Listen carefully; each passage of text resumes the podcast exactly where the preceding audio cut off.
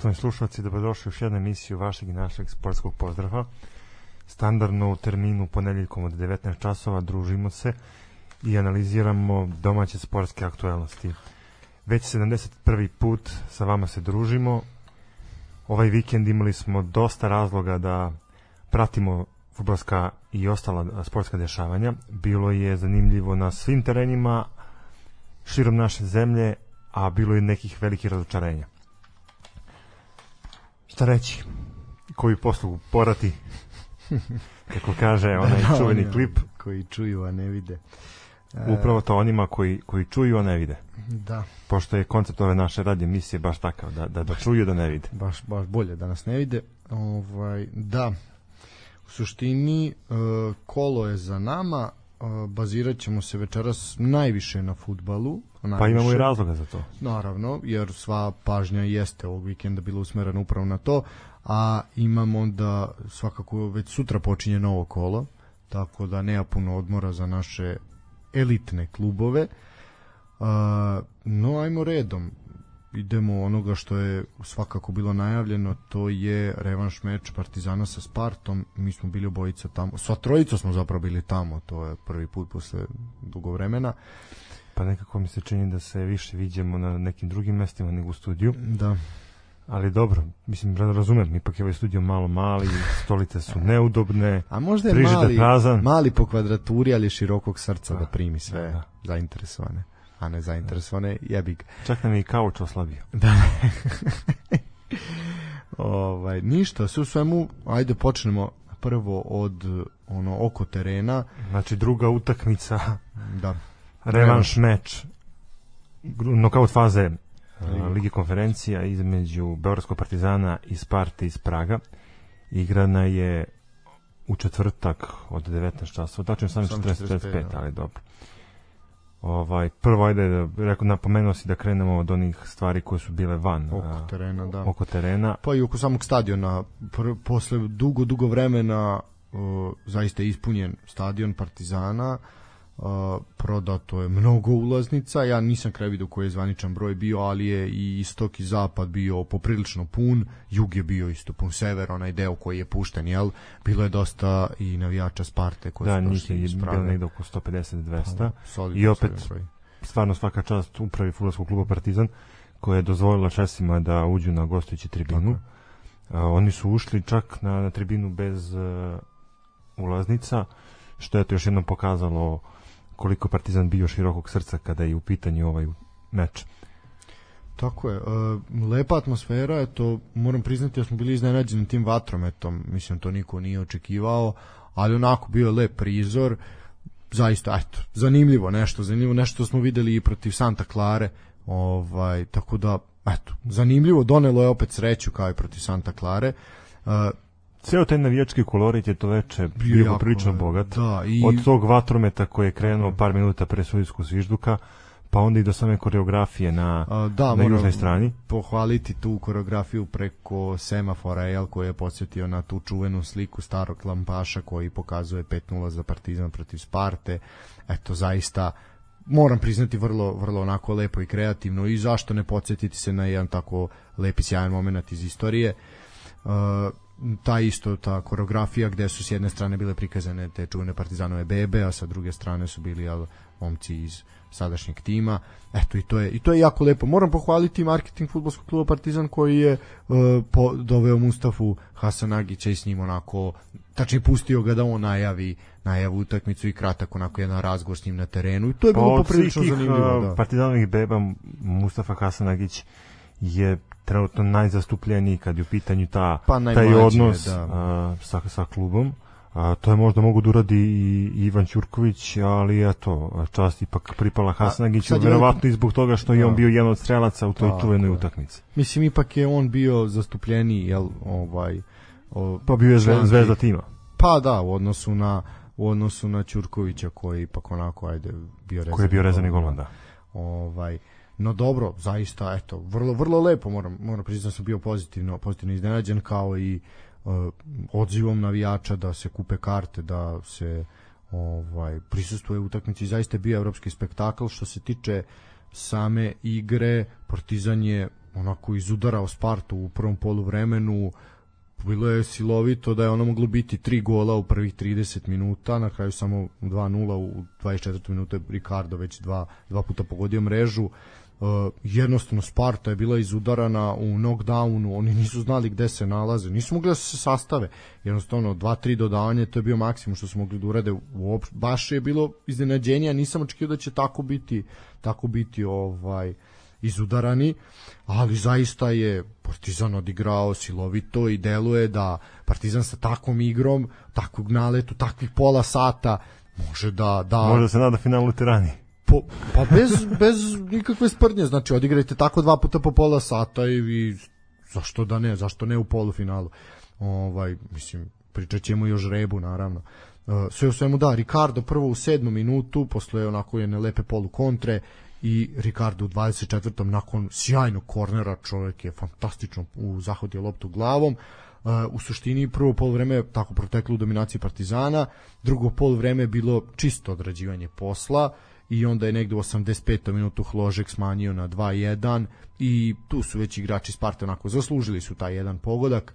Malo su tu onako igrači Partizana hteli da se ta utakmica što pre završi mm, vidi se onako da je već derbi bio poprilično u mislima i igračima i navijačima mm, to je, uh, mislim što je opravdano kad je u pitanju uh, Partizan bilo nekih situacija koje su Partizanu zadavale ozbiljnih problema, između ostalog taj crveni karton Ricarda Možemo, da, i popriličan broj žutih kartona podeljenih drugim igračima. Mislim da je Urošević dobio, da je dobio Zdjelar, ajde sad ovo već uh, možda i napamet ređam pa igrače. Jeste, mislim, mnogi su podobili. Pokušam da se setim. Jeftović da, Jeftović, da, ko, ko je već uh, bio ovaj u spisku uh, glavnog sudije. Uh, mislim sad taj da, najveće, navijači su, da, navijači su negodovali, eto, sudio je Bugarin. Da. Pa eto, imalo je neki... Peđa Strajnić u prenosu, ajde da verujemo Bugarima. Ovaj, Znaš kao, bilo je nekih političkih a, nemjerica, ali Nisu dobro svakako. To su, to su nacionalističke, ali dobro.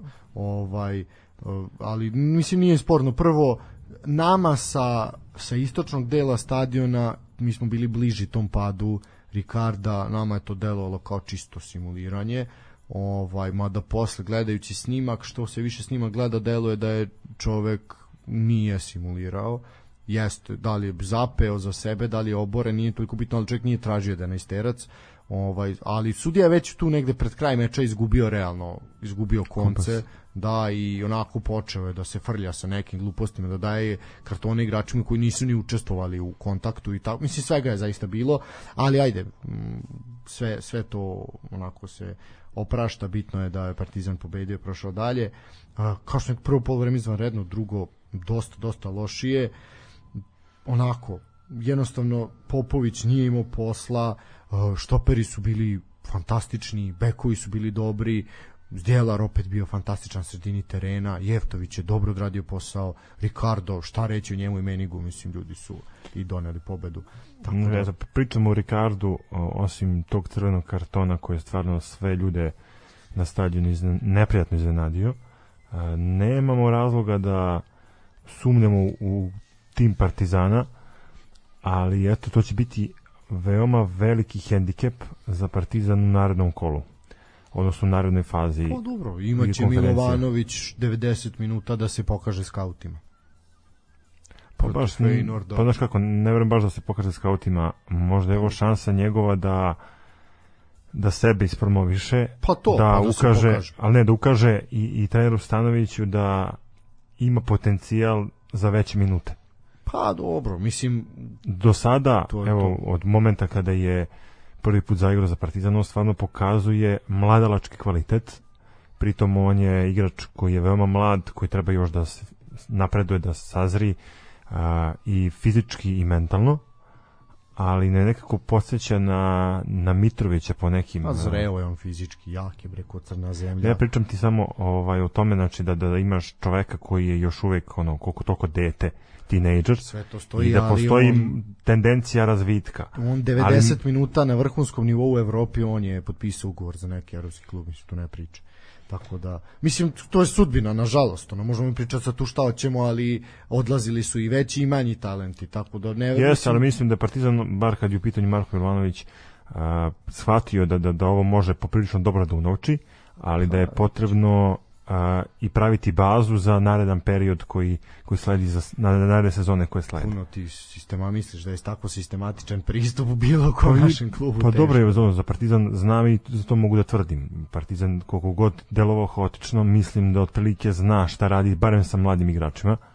A, eto, videli smo i tu politiku koju smo više puta pominjali da Partizan promoviše mladi igrača u odnosu na eto konkurenta na Crvenom pa dobro, zvezdu. on jeste promovisan I, igrač. I uvek se gleda da se taj jedan igrač koji dolazi iz tog omladinskog sektora proda da bi mogao neki drugi da nadomesti njegovo mesto. Pa. Ali mislim da u slučaju Marka Milovanovića da će Partizan ozbiljno da razmisli da li ga odma prodati ili napraviti nešto slično kao sa Aleksandrom A Mitrovićem. vidjet ćeš da će. Pa i Mitrović je odmah prodati. Mislim šta, Mitrović ima je koliko polusezonu, sezonu. Sezonu i nešto.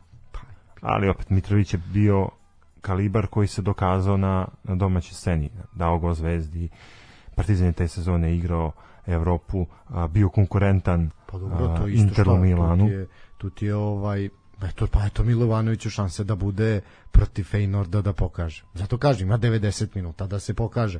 I skautima, i svima, i publici u krajnjoj liniji. Da se pokaže da je kalibar za Partizan. Dečku nema kod. Zna se da mu da ćeš igrati. Mislim, jednako ne bi se neka vratolomija izvela opet da Marković bude najistureniji. Što nije isključeno, čak ni to. O, daj ono, daj tom dečku 90 minuta, pa ono, nek se pokaže. Mislim, ima snage možda razgrće tamo. Više ima realno snage da leđem igra nego Ricardo. Ako ćemo realno. Mislim, i višli i sve sad. Tehnički nije možda tako potkovan, ali dobro, to sad druga, ima druge prednosti. Sve u svemu, vidjet ćemo, zanimljivo, zanimljivo će biti, aj sad kad smo spomenuli, Feynord je naredni protivnik, u suštini kad se pogleda ko se sve mogao izvući, Partizan je dobro i prošao. Mislim, izbjegla se Roma, izbjegla Pa se... slažem se, to je Partizan je poslednji izvučen klub Da, da. da, pri to tom je- žrebu. To Kako je to zanimljivo. krenulo da se da se izvlači, ja sam stvarno bio onako malo i, i skeptičan i bojažljivo sam gledao taj prenos. Mm, Priželjkivao sam neke klubove, naravno ono, kao i, i svaki uh, put gledaš da izbegneš uh, najjačeg mogućeg rivala, pa smo tako srećom izbegli i Romu i Olimpik Marseille i mnogi drugi klubovi između ostalog i Leicester. Da, to isto onako poprilično bi nezgodno bilo. Mislim, izvučen Mislim da je Partizan dobio ekipu sa kojom može, može da igra. Može, apsolutno. Mislim, ovo sad, jako to može biti mač sa dve oštrice. Naš može s njima da se igra, ako izađete kao protiv Sparte, pa ćete igrati. Ako izađete kao protiv Genta, nalupaće vas po guzi sa 3-0 i gotovo. Ovaj, u suštini, što se tiče Feynorda, Feynord je ovaj bio prvak Holandije 15 puta, zadnji put 2012. godine, poslednji trofej imaju 2018. godine kad su uzeli kup. Uh, jednom su osvojili inter, interkontinentalni kup, bili su uh, osvajač kupa evropskih šampiona, dva puta uzeli kup UEFA, uh, izgubili su super finalu Superkupa Evrope, tako da imaju, ovo, mislim to je ozbiljan Mislim, klub sa tradicijom posle tako je. Ajaxa najzvučnije ime Pa i. PSV, a da, tu su negde sad recimo. Pa sad, ni da. PSV nema, nema tolike uspehe kao Feyenoord. Pa da, Zato ali kažem, tu su, ono, ali- mislim, ali zadnjih godina, ajde, tu su, u top 3 su, jel? Ovaj, mada su pre, ono, pre koju godinu su se borili za, za titulu, pa na kraju nisu uspeli, ali sve u svemu, jedan ozbiljan klub sa ozbiljnom omladinskim pogonom koji je izbacio ozbiljna, ozbiljna imena holandskog futbala, Uh, ima i tu, ovaj, da kažem, jedna spojnica između Partizana. Miljakovca i, i E, pa dobro Feynorda. da, ali ne samo Miljakovca, nego i Partizana i Feynorda, ovaj, a to je Štefan Babović, ovaj čovjek koji nastupa iz jedne sa drugi tim. ja sam mislio na Danka Lazović. A dobro i Danko Lazović, da, isto, ali to je to, mislim, obojica su, eto, ima zajedničku istoriju. Sad, neka jedna je svetlija, jedna je tamnija, ali dobro. Uh, sve u svemu, ono, prvi meč će se igrati Desetog. 10. da, i prvi meč se igra u Beogradu. Ne, tako? prvi meč se igra u Rot, uh, u Rot, ne. U prvi meč Da, prvi meč u Beogradu, drugi u Rotterdamu, da. drugi tamo, da. Drugi u Rotterdamu 7 dana kasnije 17. marta. Da. Uh, sve u svemu, eto, što da ne, ono, očekuje se spektakl ponovo na stadionu Partizana, pa nek se momci bore, ne ginu, pa ćemo videti šta, šta, šta nas čeka, šta možemo očekujemo. Mislim, ajde da vidimo gde smo. Mislim, gde smo, ne mi, nego gde se nalazi srpski futbal. Pričamo o dva predstavnika u Ligi šampiona, pa ajde pokažite da možete.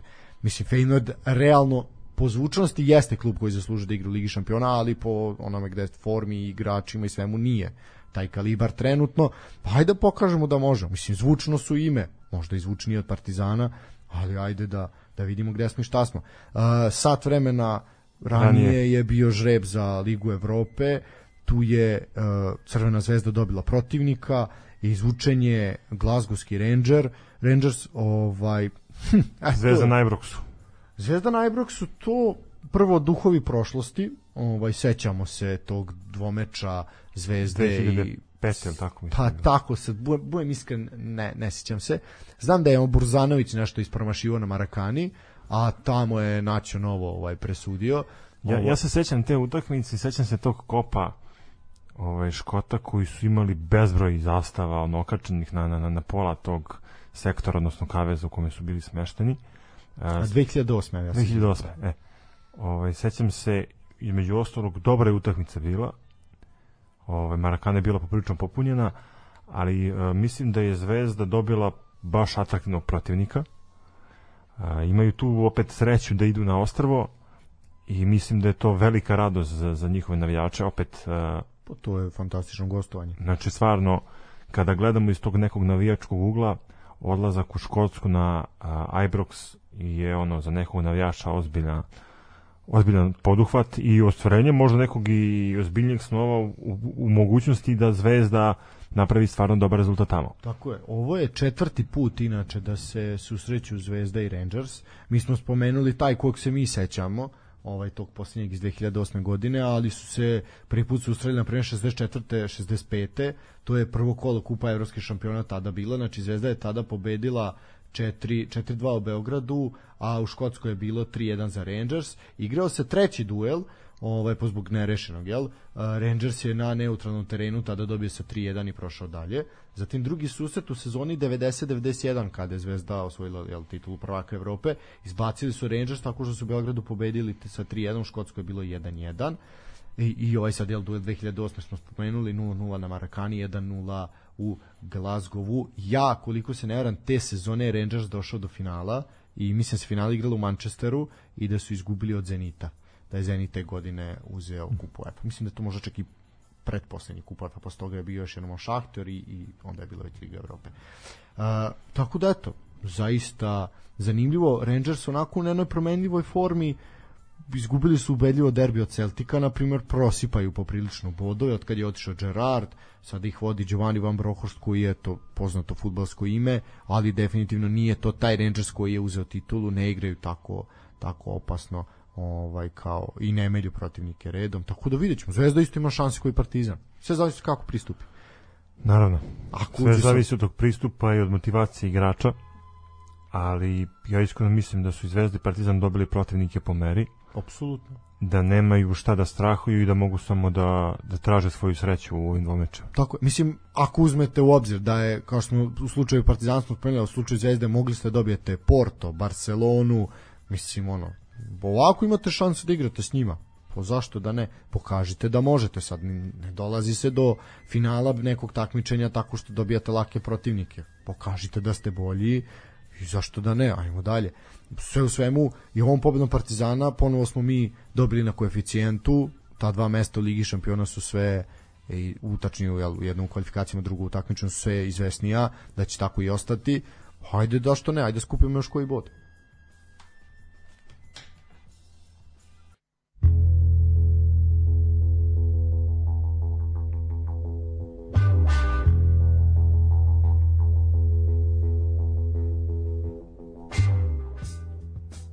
Nakon pauze vraćamo se u program i idemo na našu domaću ligu, na Linglong Super ligu.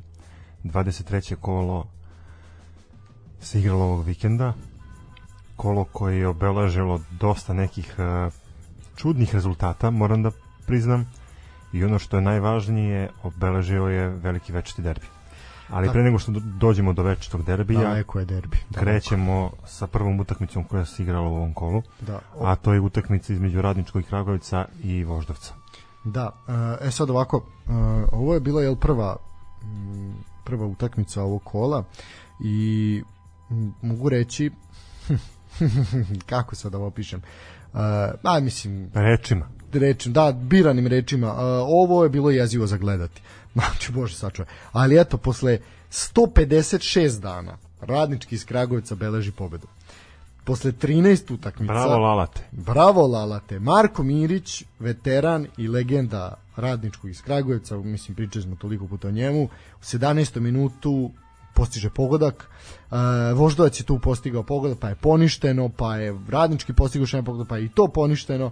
Ovaj sve u svemu nakon kornera koji je izveo Nemanja Tomić, povratne lopte Piščevića, uh, Mirić je pogodio. Uh, bilo je onako još nekoliko šansi, bilo je lepo vreme u Kragujevcu, uh, ali termin zaista van, van svake pameti. Uh, eto, bar na kratko ovom pobedom Kragujevac uh, će biti van uh, zone direktnog ispadanja. E sad, uh, Voždovac je u prolećnom delu sezone bez pobede i bez postignutog gola i definitivno se plaća ceh odlaska najboljeg igrača u prvom delu u prvom delu sezone Nikole Vujnovića. Jednostavno takav odlazak nepripremljen ovaj, u nepripremljenom smislu da ni niko došao da ga zameni pogotovo igrač takvog kalibra će se teško naći da se dovede u voždovac. Sve u svemu, eto sada loša, loša transfer politika a, Zmajeva sa krova tržnog centra ih izgleda sada košta. Uh, sve u svemu Lalatović u svom stilu i bitna pobeda. Ovo je mislim čak i najveća kvota koja je bila u ovom kolu na uh, jednu od pobedničkih ekipa da tako da eto ko je ovo stavio na svoj tiket lepo je zaradio uh, Idemo dalje na Idemo sledeću, dalje, da, sledeća sledeća utakmica. utakmica je U Nišu, idemo iz. Kragujevca u Niš. Pa da, jedan radnički pa drugi radnički. Niš Novi Pazar. Uh, da, futbaleri radničkog ponovo su remizirali 11. nerešen rezultat u prvenstvu, podela plena s Novim Pazarom, sed, sedmi nerešen rezultat Novog Pazara, u, mislim eto, ovde je sve Ja moram da ti kažem, lic, meni, meni je ovaj, ova utakmica možda čak i iznenađenje kola. Očekivao sam da radnički, ako izuzmemo Vojvodinu i, i Vojvodina, Surdulice, hvala, da. ovaj, definitivno ovde sam očekivao stvarno pobedu Ovo radničkog je nerešen rezultat kola. i mnogo bolju igru, ali eto podela bodova na stadionu Čair. Pa dobro, mislim sad je, znaš kako, Uh, Novi Pazar je trenutno jako nezgodna ekipa za prognozirati bilo kakav rezultat. Znači šta se ljudima dešava, smene trenera. Ne, pa kad su ušle kriptovalute, da, da kriptovalute u, ovaj, u Novom pazaru, mislim, to sad ljudi koji igraju, ako iko igra tikete i na naše timove stavlja iz naše lige, izbegajte Novi pazar u širokom luku, jer tu sad može biti zaista svega. Uh, u suštini uh, ovaj Mićibući je pogodio u 9. minutu za radnički uh, Japanac je bio precizan a za goste je Ibrahim Mustafa pogodio u 55.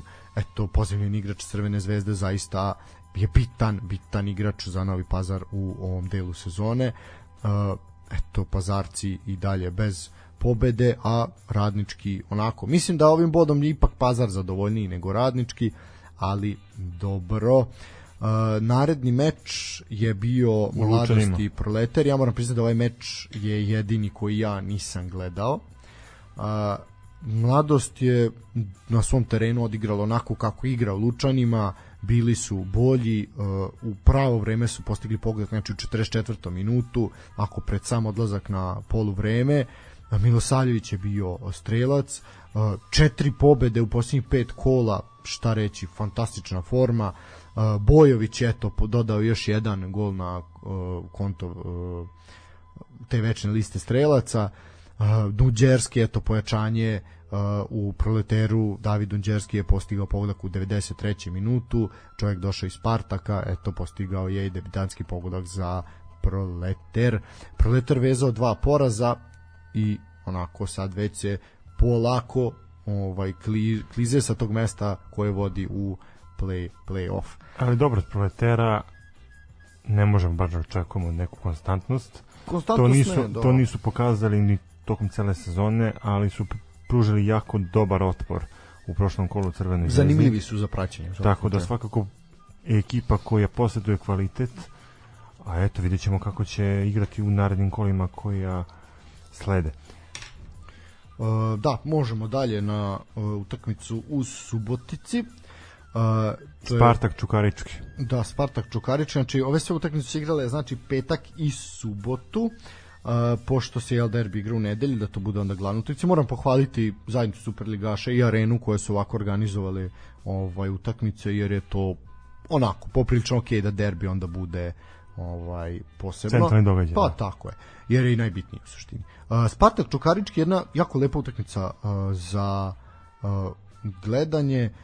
Eto, Spartak opet nije samo eto došao je novi trener, ali očigledno tu ima mnogo više problema. Četvrti uzastopni poraz. Onako spuštaju se do jedne vrlo opasne zone kad im klizi tlo pod nogama i sve je moguće. Čukarički je drugi put evo u ovom prvenstvu pobedio Spartak rezultatom 2-1 Kajević je u četvrtom minutu postigao pogodak Rošević je izjednačio u 15. minutu i tu je najavilo da tu može biti zaista borbe ali nažalost Rakonjac, nažalost po domaću ekipu Rakonjac u 52. minutu postavlja konačnih 2-1 Uh, Aleksa Janković je uh, doživeo jako nezgodnu povredu u ranoj fazi utakmice i morao je da napusti igru, tako da je ovaj zaista veliki talenat, evo već druga povreda za redom i sad već ovo može biti problematično što se tiče nastavka karijere. Sve u svemu, Saša Ilić, nova tri boda, idu dalje, onako, može se reći čak i rutinski odrađena utakmica, tako da u suštini Spartak u problemu, Spartak, Spartak je u problemu koji Novi Pazar, ono, tu, tu se ne vidi neko rešenje. Ajde ovo kao naš pa čak i Voždovac možda. To su sad tri tima koje ono zaista klize u sunovrat. Uh, svi ovi čak i radnički opet nekako iako jeste mislim na Kragovac ako je u, u problemima ali opet nekako ne deluju kao da su se predali. Ovi izgledaju kao da ono ne znaju kojim glavu nosi. Uh, dalje imamo napredak i TSC e, ja mislim da je ovo aj sad, ajde, da, možda ću se uvesti iz jezika, ali e, ovo je možda bila i najzanimljivija utakmica ovog kola. Znači, najspektakularnija Dobro, ako pogledamo pratiti. broj postignutih golova, definitivno. I ne samo, ne samo, nego i način na koji su postignuti i igra, sve po svemi, zaista onako utakmica koja je opravda- opravdala epitet derbija. Dobro, mi smo jednog očekivali da, da, da, će ovo biti u onoj zanimljivoj. E, domaćin je stigao do boda sa igračem manje u 91. minutu i meni je zaista, ja sam gledao ovaj meč i bilo mi je jako žao što po onako lepom vremenu ovaj nije bilo više ljudi da prati prati ovu utakmicu i zaista je to greota. Mislim, igralo se u dva sata, termin je jezivo loš, mada ajde kao subota je, ali zaista šteta, šteta. Prvo, fantastični Marjanović, kapiten napretka u 24. minutu sa distance gađa malu mrežu, znači fantastičan udarac u njegovom stilu, da bi uh, izjednačio u 52. Uh, odlični banjac iz redova TSC-a, uh, jedna prelepa, prelepa akcija i udarac mladog banjca. Uh, na 2-1 uh, okreće rezultat za u korist TSC-a. Nemanja Petrović, bivši bek Partizana, je postigao svoj prvi prvenac za TSC. Zaista isto jedan jedna lepa akcija, jedan lep šut i nema šta onako baš je baš je to izgledalo moćno. Da bi eto nakon prodora po levoj strani gde je ispao bek TSC-a prošao, prošao igrač napretka, centrirao i u petercu je Đugurić bio u 91. minutu naj spretniji, najvišlji i zahvatio tu loptu glavom, pospremio je mrežu za 2-2 i onako jedan delirium um, malobrojne, malobrojne publike u Kruševcu.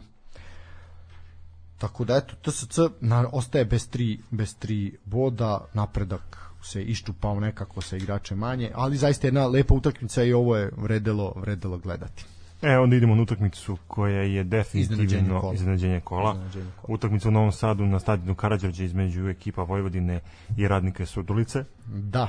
E, radnik pokazuje da zna sa favoritima i da najbolje igraju kada igraju protiv makar na papiru jačeg protivnika, to se pokazalo sa Crvenom zvezdom, to se pokazalo sa Čukaričkim, sa Vojvodinom, ovaj, s Partizanom nije. Ali ima vremena. Ima vremena, naravno, su, susreće se na Surduličkoj bombonjeri. I eto, posle dve startne pobede u prolećnom delu sezone, Vojvodina je izgubila od e, Surdulice na svom terenu. A, jedini gol postigao je Borko Duronjić, to je zimsko pojačanje Surduličana u 59. minutu. A, Vojvodina je gotovo dve trećine utakmice imala igrača manje jer je Đorđević dobio crveni, crveni karton a, i onako poprilično se Vojvodina mučila ali radnik je jednom lepom akcijom, onako brzopoteznom, sa desnog krila uputio loptu ka petercu, čovek se snašao, prevario Rockova i eto postigao pogodak. E, radnik je to ovog proleća vezao dve pobede u gostima, pao je i Spartak i polako radnik se vraća tamo gde mu je mesto, a to je svakako daleko od zone ispadanja. Prošle godine su definitivno bili hit prvenstva. Pa da, ali Ove sad... su, su zone su rekonstruisali tim, ali opet pokazuju nekoliko dobrih da imaju potencijal i ako pogledamo kako igraju svakim čast na, na hrabrosti Absolut. protiv ekipa koje su plasirane bolje od njih. Ali to je to, ulaziš bez respekta, nemaš tako, pokaži na terenu da si bolji, pa šta bude, bude. Svaka čast, to je, mislim, to je, vidi, to je i do šefa struke Đorđevića koji tako tako pristupa utakmica, tako je pristupao i kao trener Čukaričkog.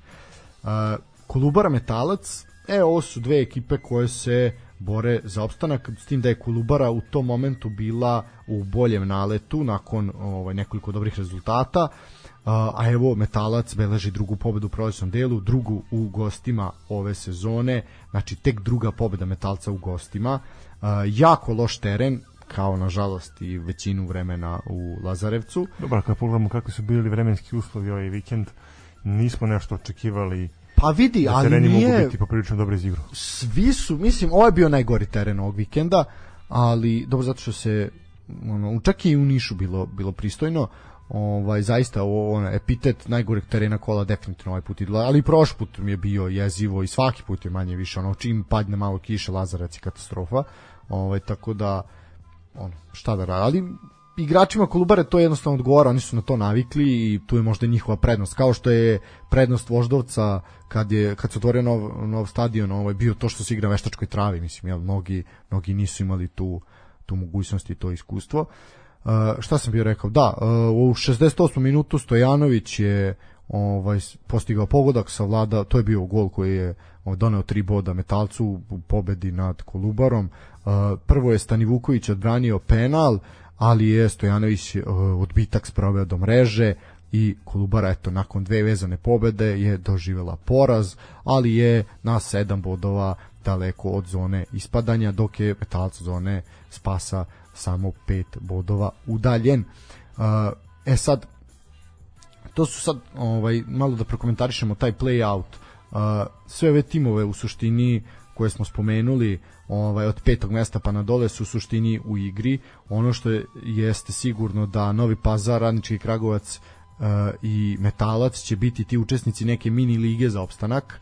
Ovaj svi ostali mogu da budu iznad ili ispod crte, naravno osim ajde ove vodeće četvorke koju neću spominjati. Uh, e sad u suštini možemo tu malo pričati u onom delu kako pričali ko s kim do, do play-offa, pošto je ostalo još se reći koliko kola do pete mislim. Uh, šest da, šest kola da, pa mislim jedno se igra već ono sutra počinje. Ovaj, tako da u suštini biće, biće jako zanimljivo, ali definitivno znači ove tri ekipe će se ono biti glavni borci za opstanak. A, e sad vidjet ćemo ko će se tu njima još pridružiti. Znači, ove sezone po sada pravilima dva poslednje plasirana ispadaju direktno, dok 13. i 14. igraju baraž sa prvoligašima. Da, to sa, sa treće plasiranim, četvrto plasiranim iz prve lige. Iz prve lige. Da. E, znači, kad smo kod prve lige, to mogli bi isto da ispričamo hoćemo, to. Hoćemo, samo još da kažem, znači, imamo šest kola do kraja i još sedam kola u play-outu. Znači, to je nekih 39 bodova u igri i mislim ima tu još ima da se igra, ali dobro, treba gledati polako u budućnost. A, da, prva liga, to je sad počela, tako? Da, počela to je ovaj vikend. I poprilično se zakuvalo odmah na početku. Ovaj, imali smo neke neke iznenađenja, neke nepopularne situacije ovaj, što na terenu, što a, na tribinama. Eto, bilo je svega i svačak i drago mi je to što je i, i prva liga uspela da se vrati u taj takmičarski kolosek nakon velike pauze. A, ono što raduje kada su u pitanju prvoligaški a, klubovi jeste što su većina tih klubova a, se poprilično pojačala, doveli su neka jako zvučna imena, na primjer eto Damir Kahriman je pojačao redove Javora. A, Mile Saković je pojačao mladost a, iz Novog Sada na moje jako veliko zadovoljstvo. I moje, moram priznati, Mile je fantastičan lik. Ovaj, ima baš dosta, ovaj, na primjer, Alen Stevanović je prešao u IMT, ali kad pogledamo kako se sve to događalo, stvarno bile su neke ozbiljne transfer bombe. Ono što je interesantno i što bi ja isto ono, pohvalio jeste da, da, da većina klubova svoje ovaj pripremne utakmice odradila van domašaje naše zemlje. A, oni su bili na pripremama u Turskoj i igrali su popriličan broj utakmica sa pojedinim klubovima iz drugih zemalja. Eto, na primjer, mladost igrala sa Spartakom iz Moskve B. Imali su stvarno dosta vremena da se pripreme, ali upravo ta faza pripreme, odnosno kad pogledate da ste bili na do pre dana na temperaturi koja je prelazila 10-12 stepeni, pa čak i više, i da dolazite u realnost gde se igra po 3-4 stepena e, i po jako lošem e, vremenu i po jako terenu, lošem da. terenu, onda vidimo otprilike e, kakvo je trenutno stanje kada je u pitanju sama sprema futbolskih klubova. Bilo je dosta, kažem, iznenađenja, ovaj, ali i dalje taj neki saldo prvih pet ekipa ostao isti. Javor je uspio da smanji neku bodovnu razliku u odnosu na, da, ali nisu na neke druge da, nisu iskoristili, s da su odigrali 0-0 sa Grafičarom, da. da. U suštini, ajde kažemo, uh, da li je najveće iznenađenje pobeda IMT-a protiv Železničara? Pa ja mislim da jeste. Ali moram priznati da mi iznenađenje da mladost gledaš... nije uzela tri boda u Dobanovcima. Pa ajde, a, ajde prvo da, da pričamo o Železničaru. Uh, železničar uh, je trenutno u fazi rekonstrukcije svog stadiona i ovo stvarno pohvaljujem kao jedan jako dobar moment za rekonstrukciju jer je klub uvideo da postoji mogućnost za napredak uh, i kada je u pitanju infrastruktura. A, prema rečima kojim sam ja dobio od uh, ljudi koji su iz uh, Pančeva, uh, oni planiraju uvođenje veštačke trave na svom stadionu. To pod jedan, pod broj dva, uh, igrački kadar je manje više ostao isti, došlo do nekih promena, ali je okosnica tima ta a, kakva jeste. A, oni su, na primjer, to uspeli da Branu Ilića proslede u, u druge klubove, pa možda je to a, neko pojačanje, neko... A gde su? Gde je otišao Branu? Znaš li? Ja, znao sam, sam zaboravio sad. Ne. Ajde, ti priče, ja ću naći. Sve o svemu, eto, znači rade na, na infrastrukturi, rade na, na igračkom kadru, i po meni su oni jedan od favorita za prva četiri mesta. A, kažem opet, a, iznenađuje ta pobeda IMT-a, ali kad pogledamo da je IMT domaćinska ekipa i da je IMT poprilično teško uzeti bodove na svom stadionu, možda to čak i ne iznenađuje. A, idemo na, na, na mladost. Mladost igra utakmicu u Dobanovcima protiv ekipe budućnosti.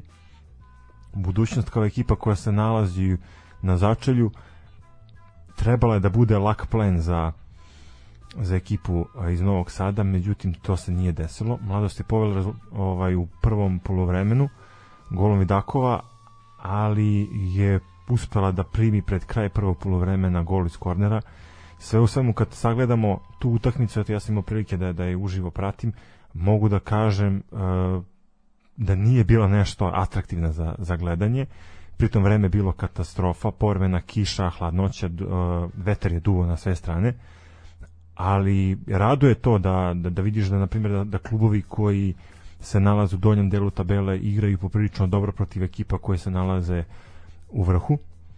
I meni ovo jeste iznenađenje, ali opet kažem, način na koji igra ekipa budućnosti svakako je više pokazala od ekipe mladosti tako da novosađeni možda i mogu da budu zadovoljni sa, sa osvojnim jednim bodom na, na gostovanju. Opet nadam se da to neće biti njihovo najgore izdanje, ali eto vidit ćemo već u, u narodnom kolu. A, narodno kolo kreće za par dana kao i, i Superliga, pa ćemo imati prilike da ispratimo sve to. A, ono što hoću još da kažem kad je u pitanju prva liga, pratite a, Javor, pratite Rad, mislim Inđiju. da su Inđiju definitivno, to su klubovi koji mogu dosta toga da urade i po meni ako dodamo još uh, ekipu mladosti i železničara iz Pančeva, da. to su pet ekipa koje će se definitivno boriti za uh, to neko svoje mesto pod suncem kada je u pitanju pa, Superliga. Kartu za Superligu, da. Uh, mislim, evo već u narednom kolu koje se igra 2. marta Uh, imamo tel to preko nedelje to vanredno kolo. Indija će na primjer u goste grafičaru što svakako će biti zanimljiv duel a Rad ide u Čajetinu. Ovaj, na primjer Javor dolazi u Bačku Palanku to je zanimljivo. Pa, ja, da će... ja mislim da, da Bačka Palanka ne može da parira ra, Javoru. Pa vidim, takođe, mislim, takođe mislim da Zlatibor ne može da pruži otpor radu, ali opet to su Teško neke to su neke to prognoze. Gostovanje eto mi smo čuveni po tome da da ne prognoziramo baš dobro. dobro. Mislim ja verujem da svakako Mačva i Žarkovo će biti fantastična utakmica za pogledati, to mora biti zanimljivo. Uh, IMT će dočekati Kabel, a mladost će dočekati železničar Ako sam tu nešto je... siguran to je da će IMT dobiti kabel jer to, kabel, kabel je, je zaista u problemu da. ekipa koja se seli u niži rang uh, mladost železničar možda e, kad smo uz kod... grafičar Inđi u derbi kola definitivno kad smo kod te utakmice, uh, hteo bih eto da, da pozovem sve navijače i sve ljubitelje ove igre, sve novosađene koji su prilici da dođu na, na stadion na, na novo naselje. Uh, to će biti premijera uh, ove sezone, jer mladost je svoje utakmice do sada igrala na stadionu ČSK u Čalarevu, o, ovaj, i s razlogom a, se vraćaju ponovo na svoje mesto, a, vraćaju se na nov stadion koji je sređen, koji je po meni baš dobar. A, dosta su uložili u rekonstrukciji svog stadiona, rekonstruisane su tribine, a, teren je rekonstruisan, a, potpuno je stadion dobio neko novo ne, izgleda ovaj, ozbiljno. Da, stvarno izgleda ozbiljno. ozbiljno a, mislim, mi znamo kako izgledalo pre, ovaj, ovo sada je zaista zaista ozbiljno, znači ta tribina ozbiljno izgleda, uh, imamo i reflektore koliko ja vidim, Ovo... Ne, reflektori su bili ranije, ali... Pa dobro, ali sad daju toj tribini onako je da ozbiljno. Ne, stvarno, stadion sad ima neki futbalski šmek i, i veoma sam srećan zbog toga. Takođe, uh, vidimo da je mladost ekipa koja je počela da, da ulaže i u infrastrukturu i u svoj igrački kadar i nije čudno što se nalaze tu gde, gde se nalaze. Uh, svakako su oni po meni jedni od pretendenata za ulazak u, u Superligu, ali bit će im teško, pritom svako kolo može da donese određeni broj iznenađenja i pratite. Eto, opet da. kažem, pozivam sve da, da dođu, utakmica se igra, ja mislim, u 13 sati. Da, u četvrtak u 13 časova, da. Mislim, šta, šta da kažemo na termin, ali... Termin je nepopularan i očekivali smo da se ta utakmica, to svečano otvaranje, pomeri za, za, za kasnije, međutim, eto, nije, nije došlo Sve do toga. utakmice se igraju 13 časova. Pa da, ali, ali bila je, bilo je naznaka da se, da se pomere kasnije, ali eto na kraju ali eto uh, da sve sve utakmice se igraju ne zapravo nisu sve izvinjavam se. Znači drugog uh, se od 13 časova igraju 1 2 3 4 utakmice od 15 Bačka Javor 17 Mačva Žarkovo a sutradan od 13 časova IMT Kabel i Mladost Gat uh, železničar. Znači eto te dve utakmice tog dana se igraju od 13 časova se igraju dan ranije. Uh, to je to što se tiče prve lige, svakako ćemo se obazirati na nju. Uh, ja predlažem da mi odemo na jednu pesmu, pa ćemo se baviti uh, večnim... Najvećim svetkovinom srpskog futbola. A i me, meni kad je to svetkovina. Ali, jeste. A, jeste, da. A svetkovine treba čuvati, jel? Uh, dobro, ajmo na još jednu pesmu. Malo pre smo slušali Hladno pivo, a ćemo ga slušati opet. Ajde, pošto nemamo da ga popijemo ovaj put, nismo ga kupili, a nismo dobili nikakav ni sponzorski pol, tako da mislim, šta da, težak život, težak život, dragi moji. Ajmo na pesmu.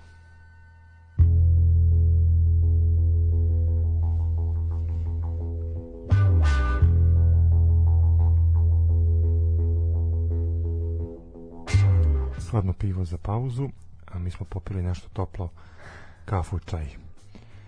Sve osim vraćamo se u program munjevito, prelazimo na najveću svetkovinu našeg futbola, kao što smo već najavili. 166. večiti derbi odigran je u nedelju u intervalu do 18 sati. Domaćin je bila ekipa Crvene zvezde na svom stadionu Rajko Mitić. Šta pa... reći kad je u pitanju derbi, o tome se pričalo nedelju dana, e, sve novinske agencije, što domaće, što strane, posvetile su pažnju ovoj utakmici. Neki bi rekli da, da, da dugo nije bilo toliko haosa na, na ulici i toliko haosa na blagajni pred neki derbi. dobro, aj sad da razbijemo jedan mit. Prvi mit je o broju publike. Znači, jeste stadion bio popunjen, ali karte su se delile za uz meč sa Čukaričkim, znači Dobro, za. Čukarički, kupite Čukarički, dobijete ovo. Drugo, karte su se delile besplatno po javnim preduzećima ponovo. To sam saznao juče i to mi onako malo stvorilo jednu ružnu sliku. Bez obzira, stadion je bio pun, ali opet ta kultura odlaska na stadion znači nije 50.000 ljudi otišlo i kupilo kartu, što je opet problem. Pazi, ali sad dobro. kad si mi je rekao, ovo, popričao sam se razočarao, obzirom da sam ja platio kartu, Ali ti ko te šiša kad ne radiš u javnom preduzeću? Šta pa da šta da radim? Pa šta se da ti ja radim? Ah, Bukvalno šta da radim. Pa misliš šta se? Jebi ga, tako ti, kako ti? Ali A- dobro, opet, znaš kao, to si i očekivalo. A, Znamo taj trend da, da, da Zvezda gleda do masovi i da privuče publiku na svoj stadion upravo preko tih nekih malih akcija. Eto, bila je ta Pa akcija da, za Čukarički, pa je bila ta pa- akcija da se ono, nekako taj sponzorski pult pojača i da se zahvali svim tim javnim sponzorima deljenjem nekih karata. I to mi je čak sad kažem ti ok, opet ja se osjećam povređeno a, novčanik mi je tanji za 1000 dinara koliko sam platio kartu za zitučnu tribinu stadiona Rajko Mitić ali dobro, a, sve o svemu a, videli smo dosta, ja moram ti kažem dosta novinara sam video a, iz inostranstva koji su došli da izveštavaju se ove utakmice takođe a, pre samu utakmicu bilo je dosta zapaljivih izjava što od strane uh, Dejana Stankovića, što od strane Aleksandra Stanovića. To su ona bockanja koja su uvijek interesantna obzirom da znamo koliko su njih dvojica uh, koliko se njih dvojica dobro poznaju i koliko su zapravo sasvim ovaj, korektni prijatelji. Opet jedan predvodi jednu ekipu, drugi predvodi drugu ekipu i u derbiju nema prijateljstva, to smo vidjeli više puta i u derbiju se samo jedno ceni, a to je pobjeda. Kada smo kod pobede e, Crvena zvezda je to neki bi rekli rutinski neki ne uspela da dođe do tri boda da smanji e, bodovni zaostatak u odnosu na e, večitog rivala. I sada je ta razlika svega dva boda. Kada smo opet kod, kod te razlike trener Aleksandar Stanović imao je poprilično interesantnu izjavu gde više voli da igra pod pritiskom odnosno nastavak prvenstva da, da mu se odvija pod pritiskom nego da ima a, zaleđinu iza sebe. A, opet to je možda izgovor za neuspeh u derbiju, Aj, aj, dobro. ali svakako možemo da pogledamo izjavu Dejana Stankovića koja je bila poprilično optimistična gde je bio on samuveren i gde je se nadao da će to i u narednim a, kolima da li Partizan kiksnuti, da li doći do direktnog okršaja gde će Zvezda uspeti da povrati primat na čelu tabele. Dobro, znači ovako. A, da, Ti nisi bio na utakmici, ti si gledao sa, sa kraj malih ekrana Ja sam- i ja mogu da ti kažem da ti ja zavidim na tome. ja sam ispratio... Zato što si ti mogao detaljnije da ispratiš sve te stvari koje su se dešavale na zato i ne terenu. idem na derbi, zato što hoću da ispratim sve. Uh, ispratio sam prvo celodnevni program Arene Sport, koji neću komentarisati. Ovaj, to je onako po, poprilično tužno bilo. Uh, vidi, da smo ga mi, ti ja napravili ovde, bili bi 10 puta profesionalniji, ali o Areni ću dodati nešto E, kad smo, ajde, pre nego samo, samo me to interesuje. A, ko je bio stručni konsultant? A, Goran Stevanović i Goran Svilar. Plavi Stevanović. Da, da, da, da, da, da. S tim da su ga potpisali dva put pogrešno, da su ga prekinuli pet puta u, u izjavama znači a, o opet reporterima sa lica mesta arene zaista ono ne, ne, ne bih to komentarisao a, komentatori su bili katastrofalni a, generalno ovaj vikend su komentatori arene toliko grešili E, vidio Ja sam da je, kad smo kod komentatora, vidio sam da je i Radio Beograd imao prenos. standardno za derbi, mislim to nije ništa ništa novo. Ja volim to da čujem, ali eto, zadnjih desetina godina baš i nemam tu Pa, mogućnost da ih slušam, obzirom da utakmice pratim je. direktno na stadionu. Pa da, ali nekako je derbi je se više gleda nego što je nekako može da onoga ko zaista zanima, a nije da mu samo svira nešto u pozadini, on će sesti pa ga gledati. Uh, u suštini uh, Dobro, ne, nekima sviraju jaja isto za, za srpski futbol i za derbi. To isto da zvone, da. A, sve u svemu, uh, 166. put se pokazalo, kao i prethodna 165 puta se pokazalo da nema favorita, da je derbi u sve moguće, da derbi dobija i tim koji je u lošoj formi i da nema veze na kojoj ste mesto na tabeli, koliko bodova zaustajete. Ne, nije bitno ni onaj ko, koliko da ste na papiru jači ili slabiji ili da li ste u Evropi, niste u Evropi, kakvog uspeha ste tamo imali. To jednostavno nema veze i upravo je u tome svemu lepota ovog našeg derbija kojeg imamo, jer je to moment kada ceo Beograd stane, kada država stane, kada se jednostavno podeli na dva dela, koliko god se sa to nekima sviđalo ili ne, ali jednostavno je tako i to je neka suština ove i sržove svetkovine. E, što se tiče e, same utakmice i kako je to sve sve počelo. Uh, ja moram priznati da je mene oduševilo što je pun stadion posle dugo, dugo vremena. Ne, ja ću reći da stvarno taj hype oko derbija prenosi iz dana u dan da kad god prolaziš pored blaganja jednog i drugog stadiona možeš da vidiš redove za karte. E, bilo je dosta ljudi koji su bili zainteresovani da dođu na, na stadion i to vraća neku veru u futbal. Opet, kažem, to je derbi, jedna utakmica koja vredi u, u ovoj našoj ligi.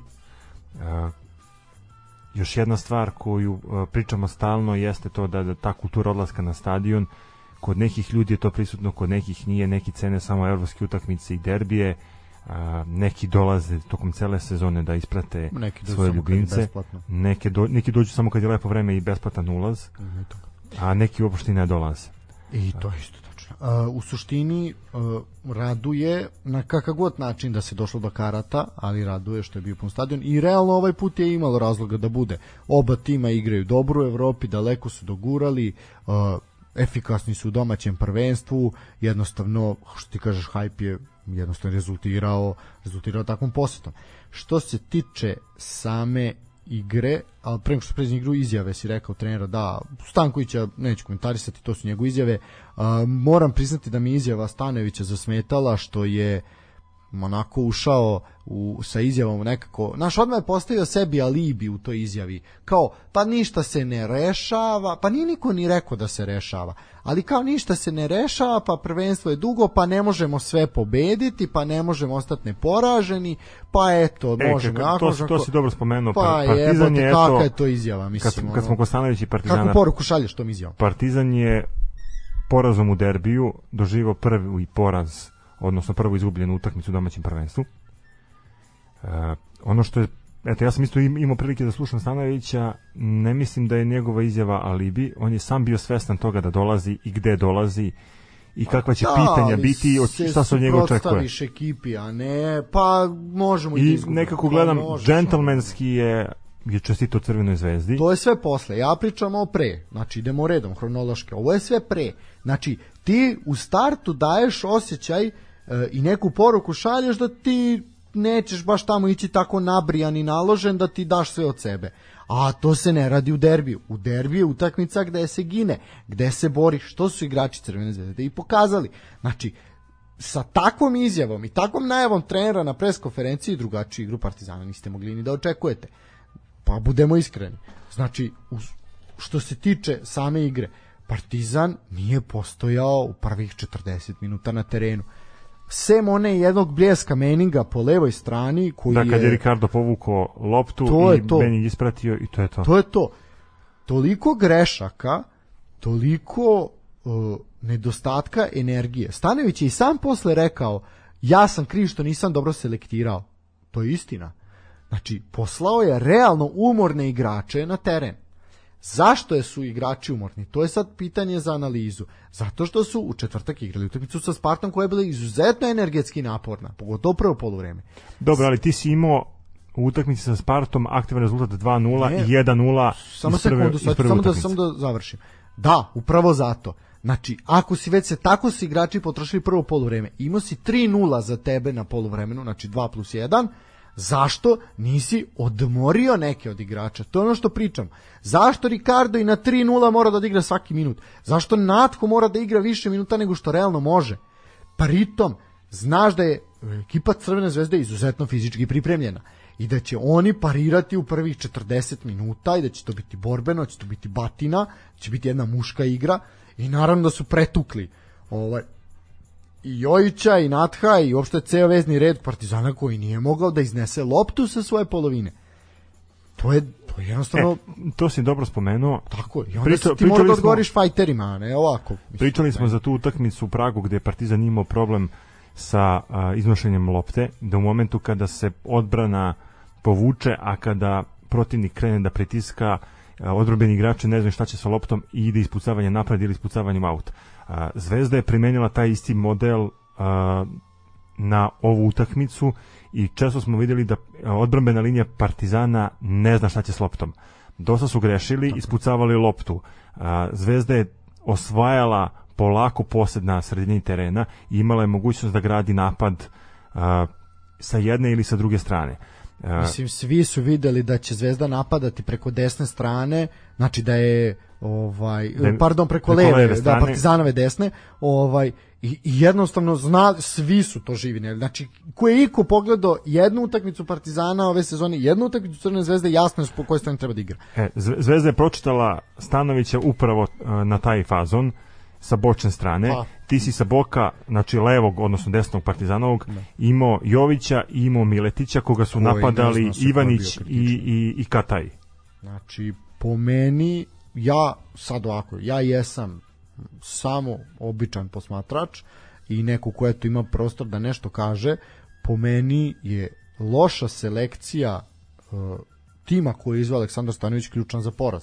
Znači, tebi su izgrešili igrači koji su van forme, koji nisu prvi izbor i plus oni koji su potrošeni.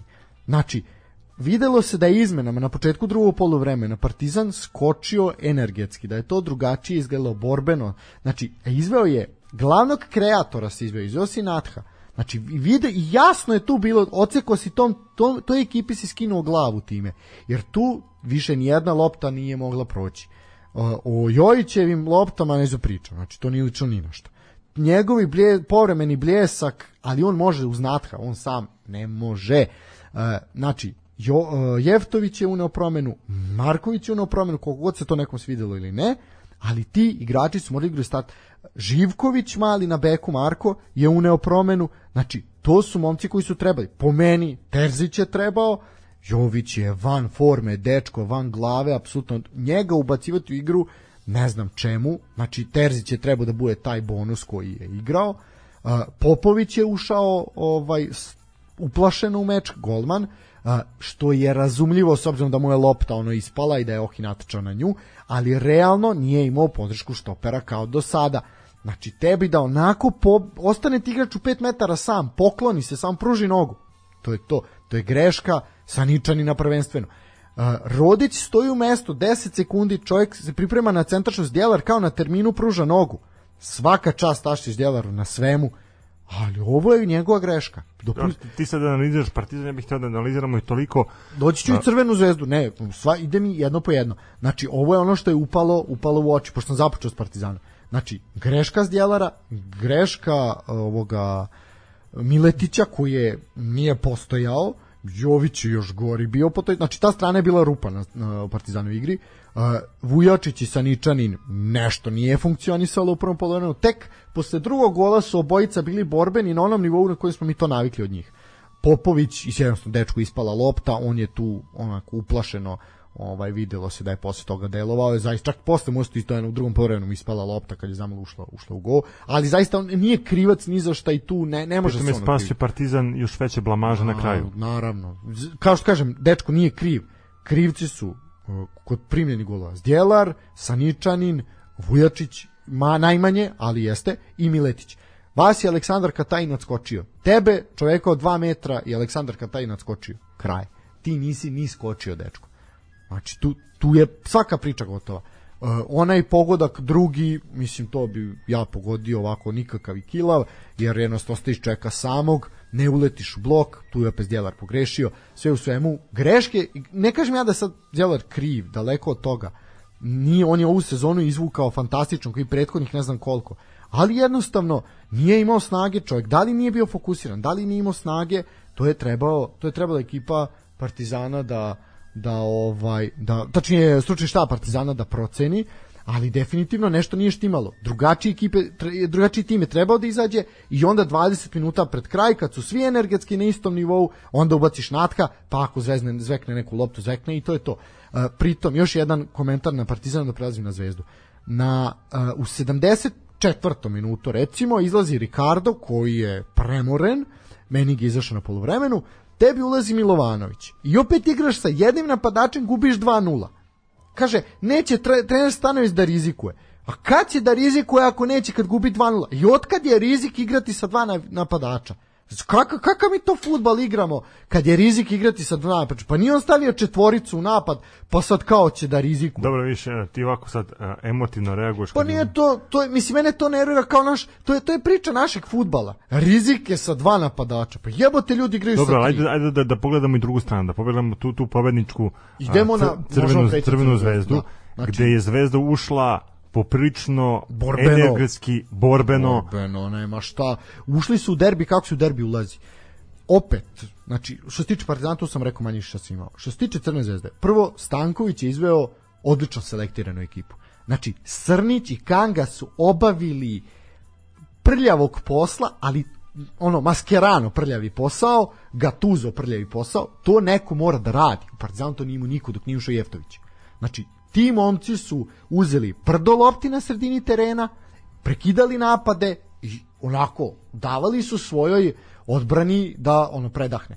Jednostavno ovi nisu dolaze od toga. Prv, to je prva stvar. Druga stvar, Dragović je izdominirao. Zbog ovakvih partija je Dragović doveden. Znači, prvo čovjek koji je, mislim, uh, odbranben igrač sa najviše golova u ligi trenutno.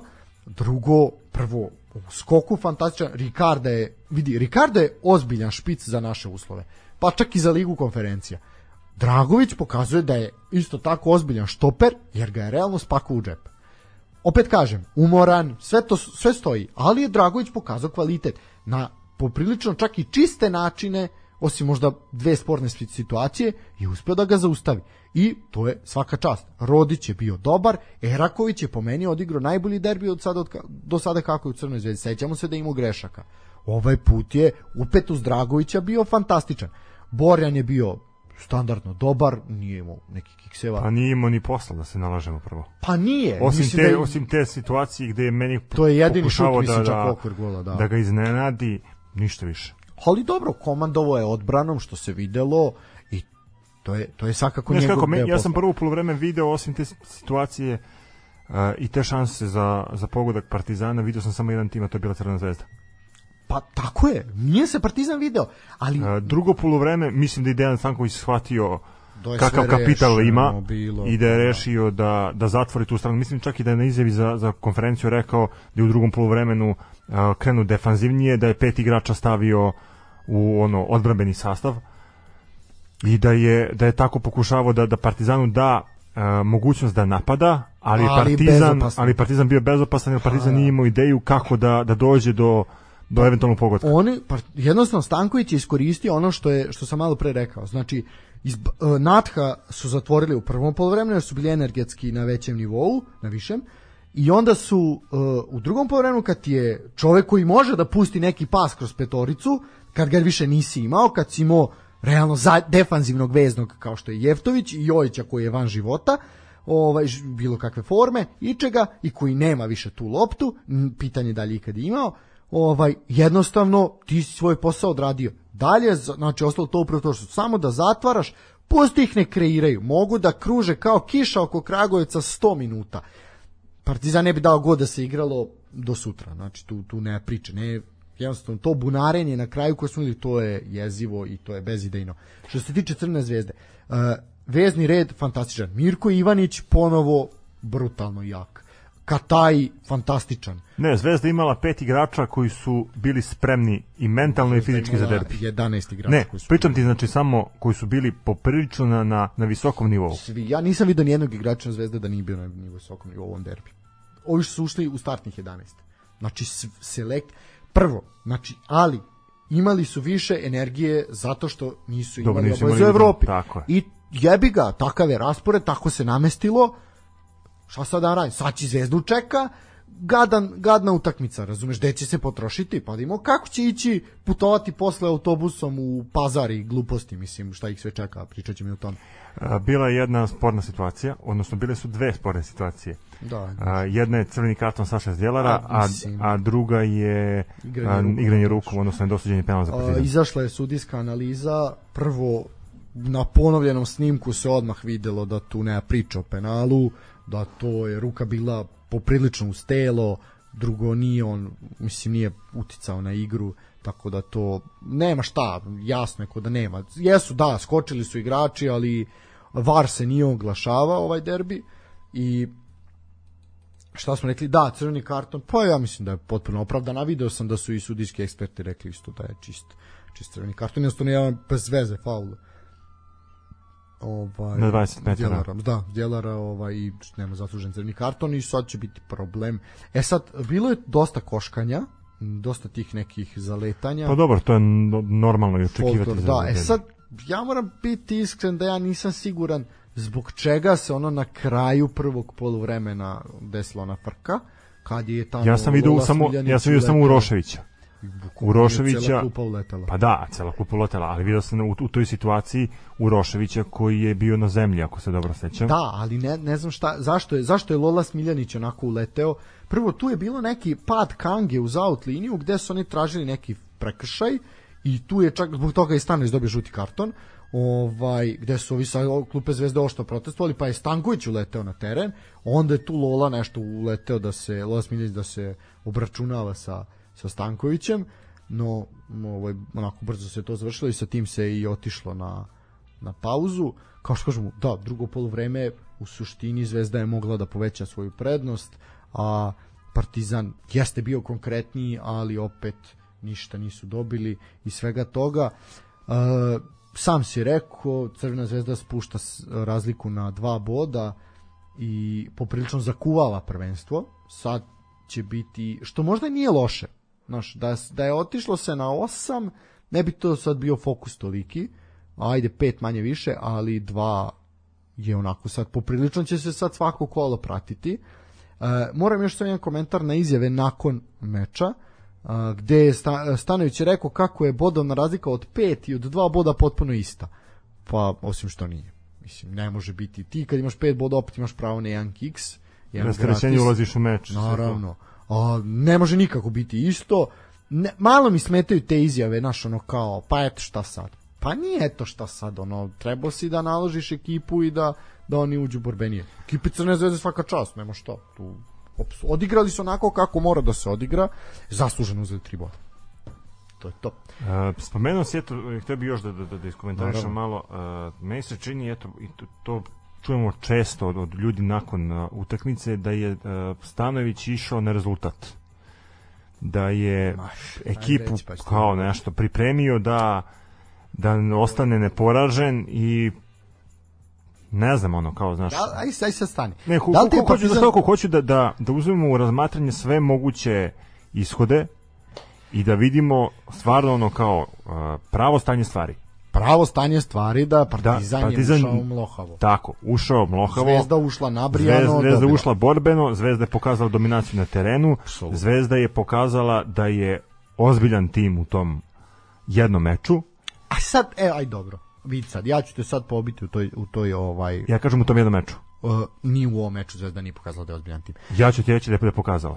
po Evo ti, znači, i, i daću ti odmah konkretne razloge zašto je I ja ću pokazala. reći po čemu nije. Baš zbog toga što je, što je pročitala taktiku Aleksandra Stanovića. Nije Zvezda pročitala tako. Jeste, jeste, i veruj mi da jeste. A nije, pa, Jeste.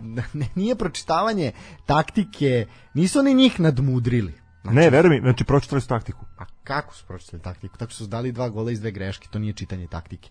Znači, ne, ne, ne, ne, kon- ne kontaš, ali uh, hoću da ti objasniti. Objasni, mislim. Evo da ti, da ti objasnim jednu stvar. Ti u Partizanu imaš tri igrača koja na individualan kvalitet mogu da reše utakmicu. Dobro. Imaš Ricarda, imaš Natha i Pa, even- meni ga i meni. Da, ne, pogledaj kako su čuvani ti igrači. Okej, da, to nije... To ti je za, za, za zatvaranje napada Partizana. Ali, A, Čekaj, druga stan, druga čekaj, stvar, čekaj, a, da. zašto ti kažem da da da Zvezda nadmudrila Partizan?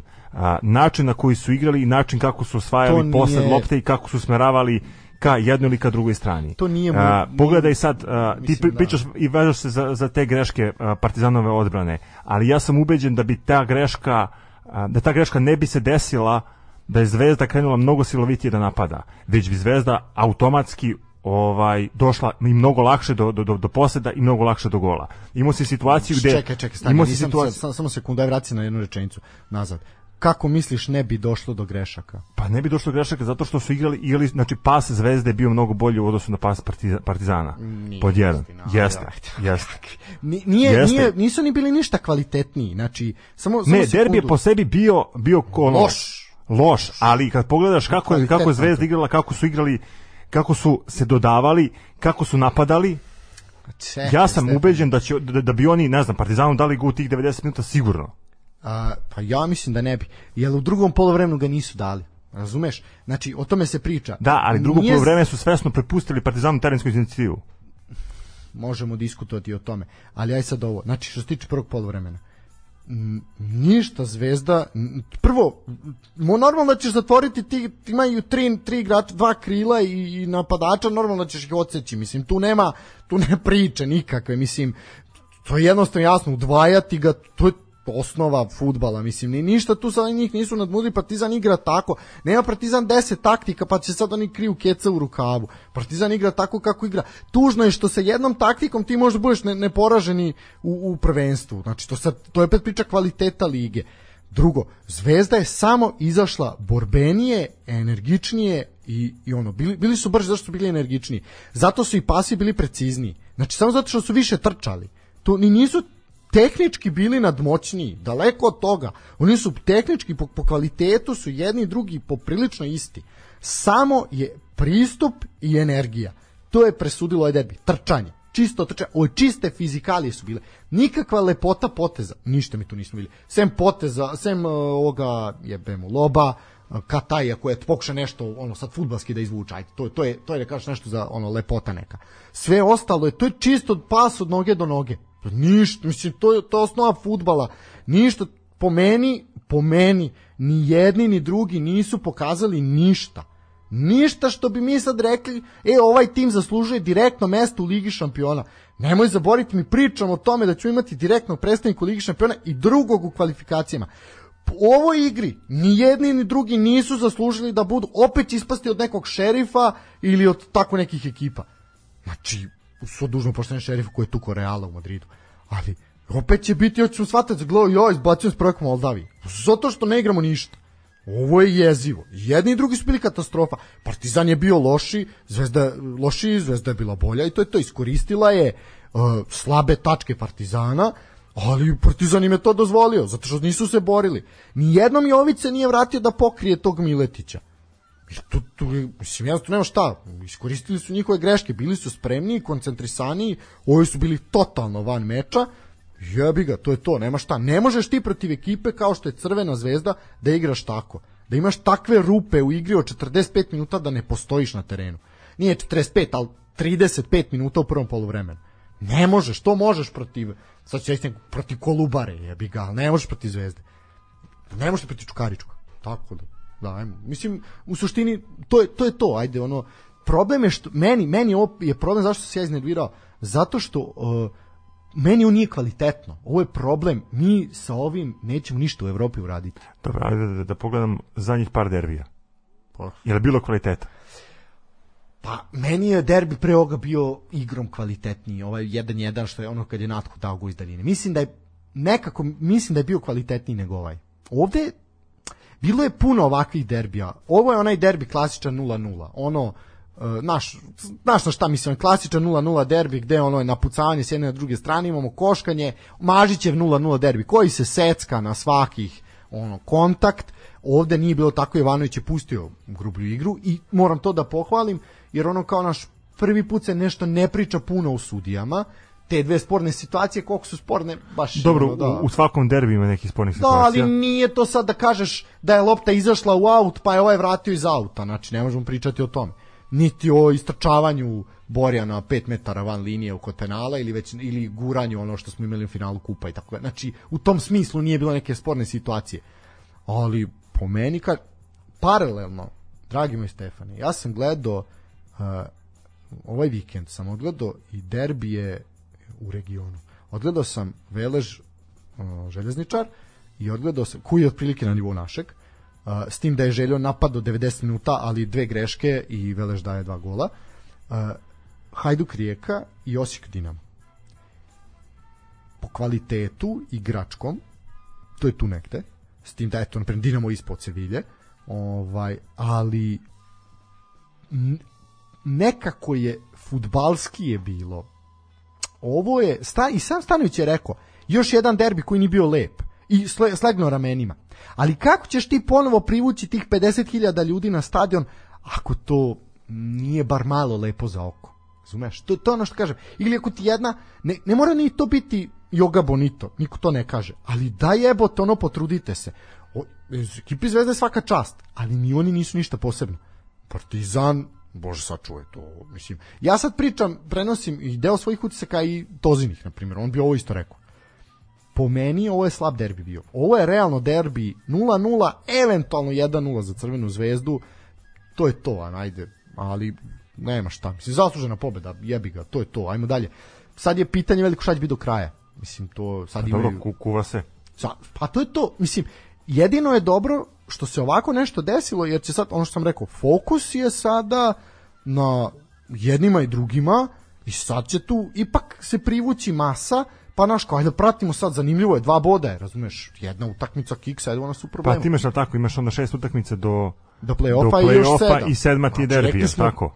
Jel uvek bude da prva se igra između da, da, prve da, ekipe? Pa da, pa, pa tako je, da. Znači, e, sad je tu borba ne samo za bodove, borba je i to na čijem stadionu će se igrati derbi. Jel one ko je da onaj ko prvi ima, ima pravo domaćinstva. Ima pravo domaćinstva, da. I posle imate još šest onako nezgodnih utakmica. Ne može se reći teških, ali nezgodnih. I pritom je veliko pitanje dokle će ići u Evropi.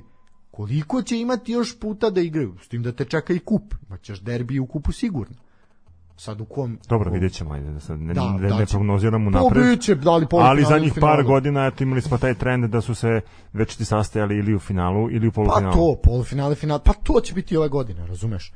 Tako da, u suštini, nama je ovo dobro. Nama je koji pratimo je dobro, jer ćeš sad imati neku, ono, neku draži, nešto će biti zanimljivo prošle sezone je bilo zanimljivo kad si imao 20 bodova prednosti, jebi ga, mislim, naravno da te ne zanima šta se dešava. Mislim, na, ne zanima, zanima dobro, nas da smo bolesni. Eto, to, to, to si dobro napomenuo, ono, poslednjih par godina Partizan se kao pratila ono, Crvene zvezde još u, u, pa, mislim, da u julu već pa, dva tri kola bile, pa, da.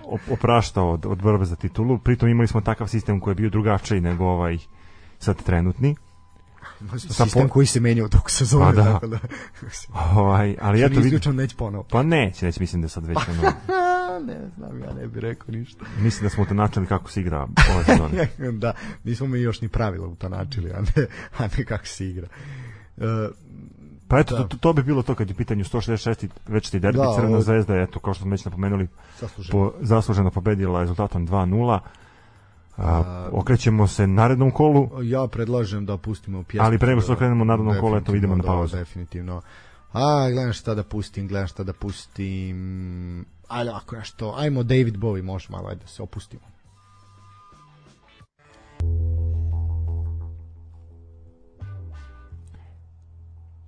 Nakon 166. večetog derbija a, kompletirali smo ovo 24. kolo. E sad idemo na naredno a, ti pročiti parove i možemo i tabelu. Mada hoćemo, ta... hoćemo prvo tabelu pa da pa onda ovaj i parove. Naravno, to je sad ono što što je svakako naj i pričaćemo ko s kim do kraja, jel? Uh, ovako, ajmo na tabelu, mislim možemo, možemo od vrha, jel, pretpostavljam da nas to najviše zanima, play, play out smo malo i pričali u prethodnim uključenjima. Uh, da, Partizan je dalje prvi uh, sa 65 bodova nakon 24 odigrana kola. Uh, dva boda više, osam golova primljenih, eto do derbija primljenih šest, sada dva su dodata na taj konto. dva nerešeni, jedan poraz i 21 pobedu, Crvena zvezda druga sa 63 boda, eto tri nerešena, jedna pobeda, e, jedan poraz, pardon, i 20 pobeda.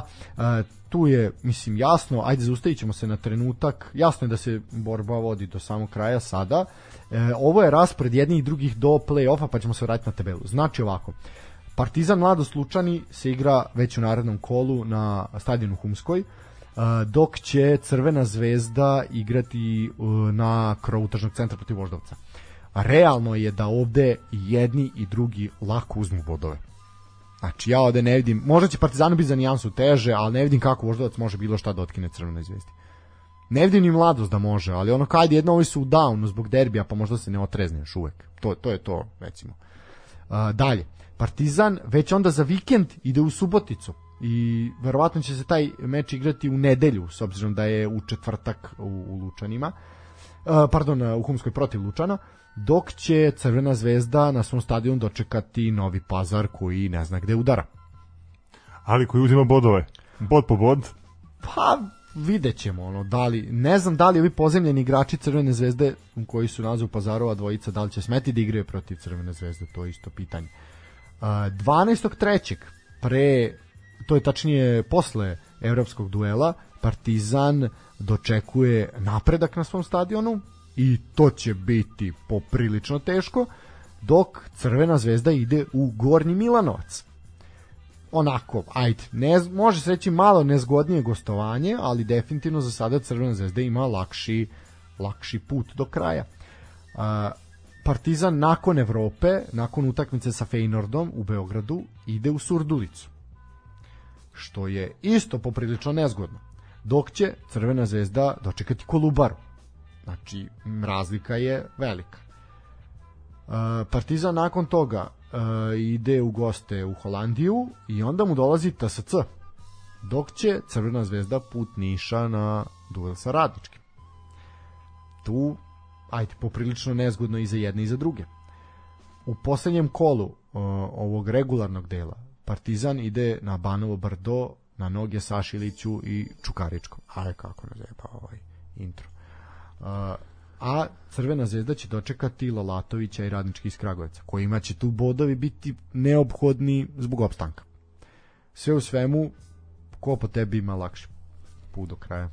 Mislim, do play-offa. Pa do play-offa, Zvezda definitivno. Definitivno, mnogo, mnogo lakše. Mislim, nije, ne može se reći da je napred dobijeno, ali s obzirom ako se posmatra trenutne forme tih timova, Ne vidim ja da ovde može Zvezda Ti da si malo pre napomenuo da te utakmice dolaze naravno i u momentima kada da, pre i posle Evrope. Pre i posle Evrope, znači kada se igraju evropske utakmice.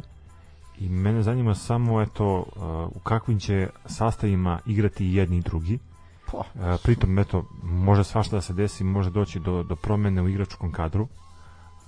Ajde da da verujemo u tu sportsku sreću da neće biti nekih ozbiljnih povreda ali na psihološkom faktoru mislim da je Partizanu mnogo teže. Jeste. Tih plus 2 lako može da se otopi. Već u narednom meču. I taj meč eto, koji, koji Partizan igra u četvrtak protiv ekipe Mladosti iz Lučana može da, da preokrene dalji tok.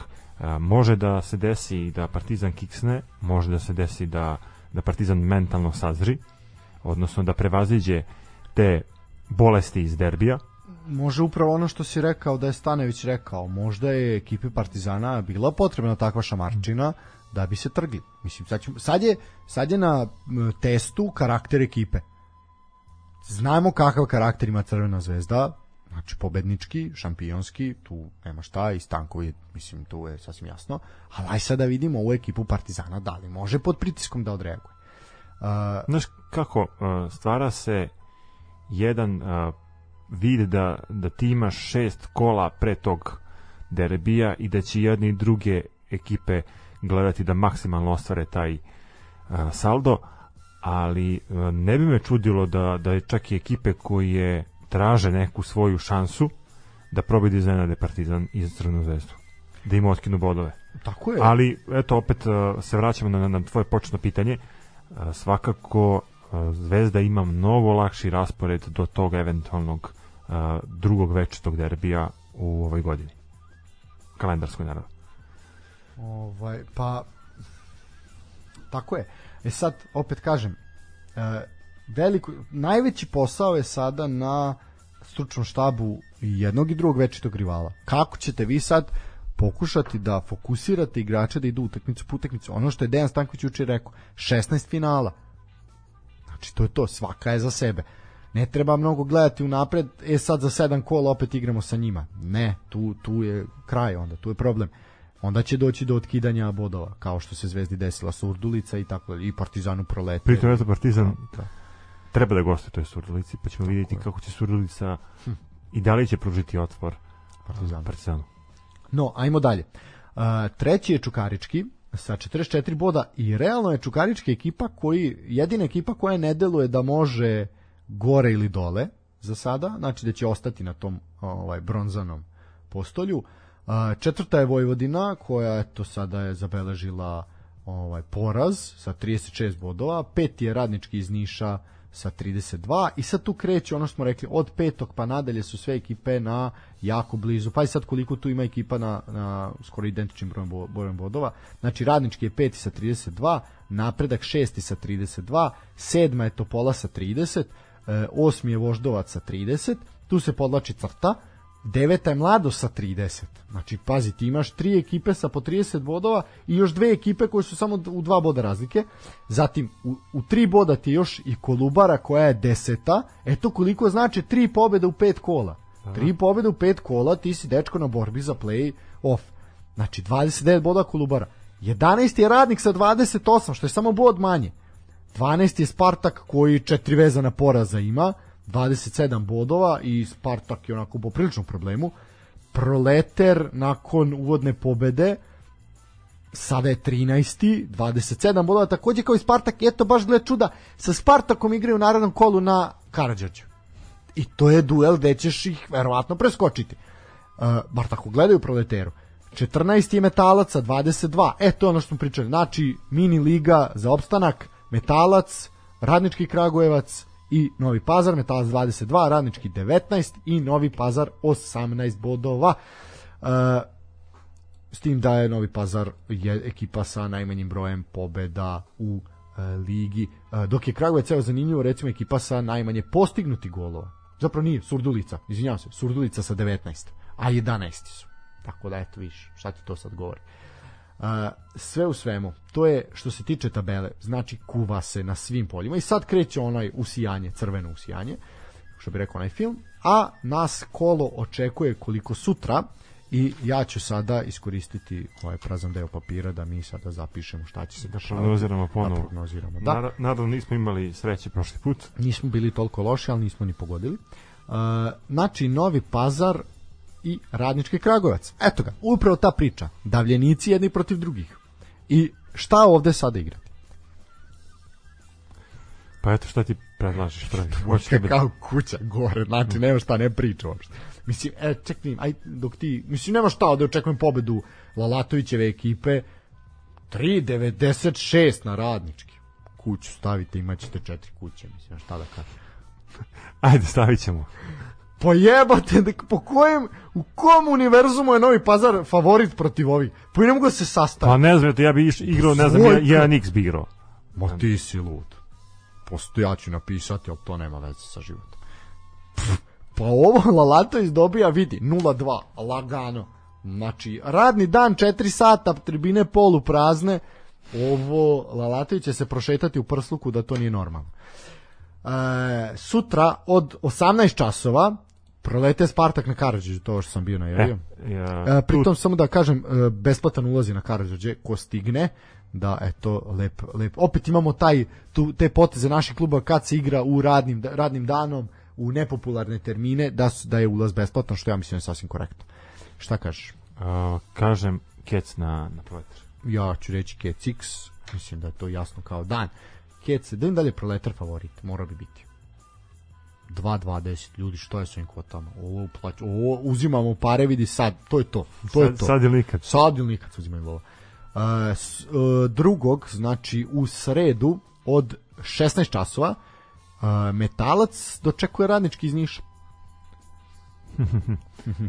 da, baš. Pa, ajde, bude 1x na, na, na Metalac. Ja ću reći x2. Ali ovo najrealnije da bude x. Uh, od takođe od 16 časova u Bačkoj Topoli dolazi radnik iz Surdulice. E, tu mislim da je vreme da da TSC zabeleži pobedu. Keci, dobro. Da. Mislim da će svakako duel biti zanimljiv. Ja bih rekao da će ovo biti od 1 do 3 gola. Uh, od 18 časova možda čak pa recimo da je ovo derbi kola uz ovaj novi pazar radnički koji je to derbi donjeg dela tabele Čukarički napredak ovde mora da pršti Da, ovde ja ću reći 3 plus pa ja mislim da će biti e, kec na Čugarički. dobro Nešto sam zaređio s ovim. Jesu Inkeče ima ku u dnevniku bogte. Nema još uvek kvota, na primjer, za taj meč.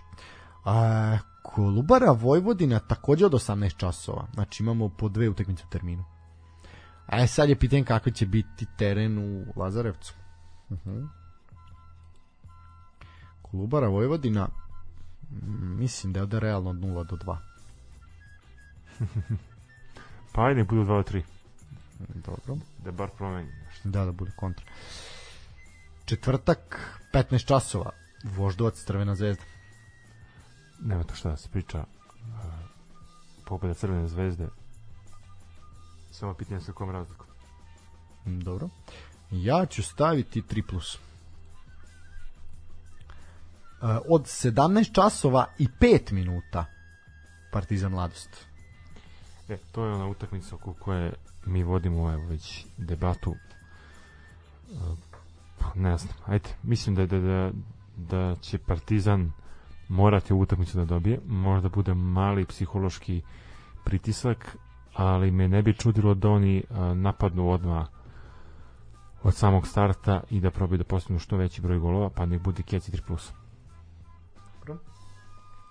Kec 3+. plus. Ja ću reći oba tima daju gol.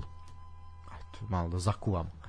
To je 25. kolo. E sad, pošto mi nećemo uh, pretpostavljam da nećemo imati emisiju od šajte emisiju od uh, između vanrednog kola i ovoga redovnog. Pa mislim da nećemo. Da, mislim ja nisam tu, ovo ja sam opravdano odsutan. Pa mislim da i, i, i nema potrebe da se da se Misliš da ćemo onda dva kola u jednom? pa da. A, Jer a, se ovo zašlo u četvrtak, a ovo počinje u ovo subotu. kreće u subotu, da. Pa hoćeš da najavimo odmah i subotu? Pa Možemo pretrčati, da. Ček samo da najavim. Znači ovo je uh, 25. E, ajmo odmah i 26. Znači vidi sad šta nas tu čeka. U subotu ima, imaju termini su izašli, moram pohvalim zajednicu Superligaša ovaj put, ne znam zašto ih ovako puno hvalimo, ali ajde. Uh, Pa promenili su sistem. A, hvala ti Bože. ovaj, 26. kolo počinje u Subotici. Prva utakmica otvaraju Spartak i Partizan. Od 14 časova u subotu. E, pazi, ovo nisam sad znao. Dobro. I sad razmišljam ozbiljno da a, da promenim Trasu putovanja. ne, ne, ne, trasu putovanja, nego da, da promenim a, svoju prognozu vezanu uz utakmicu između a, Spartaka i Proletera. Dobro. Šta hoćeš ti me kažeš? Pa eto, nek bude onda x2 na Spartak. E, Jer mislim da onda Spartak ulazi u ozbiljan a, problem. problem, da. I da su im ovo bodovi koje mogu da im živo znače. Šta će protiv Partizana? Pa ništa. Znaš kao, igraš utakmicu protiv ekipe koja je generalno mnogo jača od tvoje, pritom Mora si da ti uzme, u problemu, ne vidim da Spartak može da parira Partizanu, tako da će biti dvojka. Gost daje dva ili više. A, dobro, od 16 časova i 15 minuta, znači odmah u subotu igraju i Partizan i Crvena zvezda. Od 16 časova i 15 minuta Crvena zvezda dočekuje Novi Pazar. Tu je samo pitanje koliko će Zvezda postići golova. Pobeda tu ne dolazi u... Ja kažem 4+. Plus. Pa, eto, nek bude pa, od 3 do 5. A, poslednji meč u subotu od osa, ozbiljan program u subotu moram priznati. Od 18:30 na Karađorđu u Vojvodina TSC Derbi Vojvodine. da. Hm. ovo, Pa- ovo vredi pogledati upravo s jedne strane. A ja mislim da s obzirom mi smo bili prisutni na onom prvom meču u Topoli kad je pa to je bio i prvi zvaničan meč na TSC areni. A, tamo je TSC ubio Vojvodinu u pojam a ja sad očekujem ozbiljan revanš Vojvodine i ja bih ovde rekao da će oba tima postići makar po jedan pogodak Mm, Ja mislim 0-2. mislim da će biti opet mrtvo a, dobro nedelja od od 14 časova a, op, eto još jedna još jedan derbi Lalatović derbi za derbijem Radnički Kragujevac Metalac Opet borba za opstanak. Pa eto, nek bude, ne bude kec. Ja ću isto reći kao vrata. Verujem u našeg Nenada Latovića. Apsolutno. E, od 16 časova napredak proletar. Napredak proletar, pa ne znam, poprilično teška utakmica za prognozirati, ali eto, nek bude 1x na napredak. Hm. Ja ću reći će oba tima dati gol. Uh, od 16 časova istog dana uh, Radnik Čukarički. Dvojka. Uh -huh, 3 plus. Uh, od 18 časova u nedelju Radnički Niš Kolubar. E, pazi, to sam rekao za, za Radnički kad su igrali protiv Novog pazara da je to moment gde Radnički mora da uzme bodove. Uh, ali sam se prevario Sad i Kolubara. ekipa iz Novog pazara me poprilično iznenadila. Da, isto Sad je Kolubara koja je po meni onako sasvim solidna ekipa. Mm. Pa no, prijatno iznenađenje. Prijatno iznenađenje, ali eto, ajde, nek bude ponovo na, na, na, na radnički pobeda, pa neka mi se obije u glavu.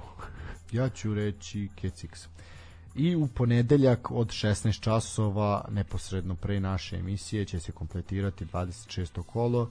U Lučanima će mladost dočekati Voždovac. Ovo će biti mrtvo do Ne znam, ne bude 3 plus, ajde. Uf. Kad ti misliš da će biti mrtvo, ja ću reći pa kontra. Ja ću reći Kecix na, na mladost.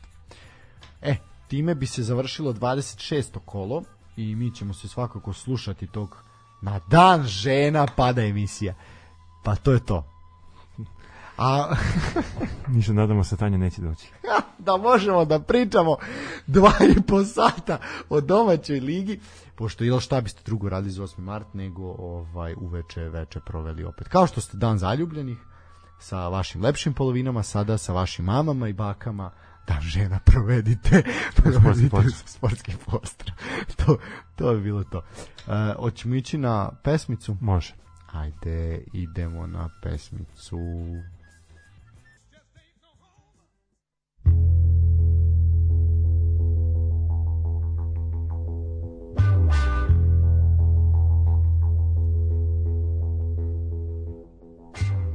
Moram da ti priznam da ti muzički izbor poprilično u skladu sa najavom za narodnu emisiju. Na, mislim, ajde sad, ako počnemo, smislio sam malo, moram priznati da se malo potrudio ovaj put što se tiče izbora muzike, jer prvo, ako si skonto, bile su antiratne, ovaj, i onda smo sad prešli na ove nežne za...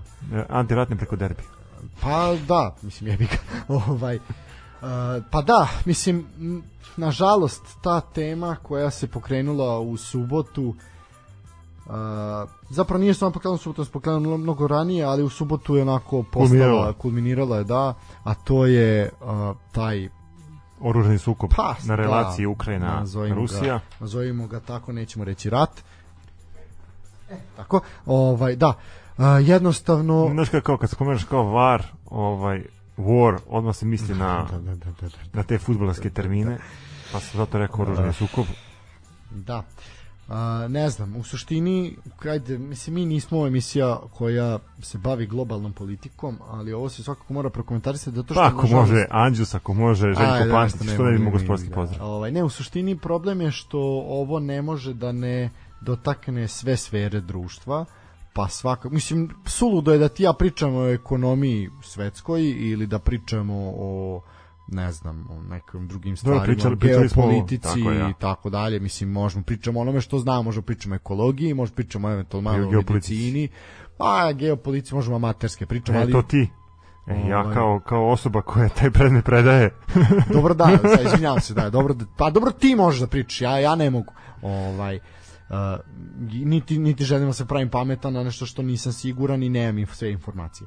Uh, e, upravo to, to, si, to se fino napomenuo. Da. Uh, danas smo svedoci da možemo da vidimo jedne informacije plasirane od strane nekih medija, a, neke druge informacije, a, pitanje otprilike šta se stvarno tamo dešava.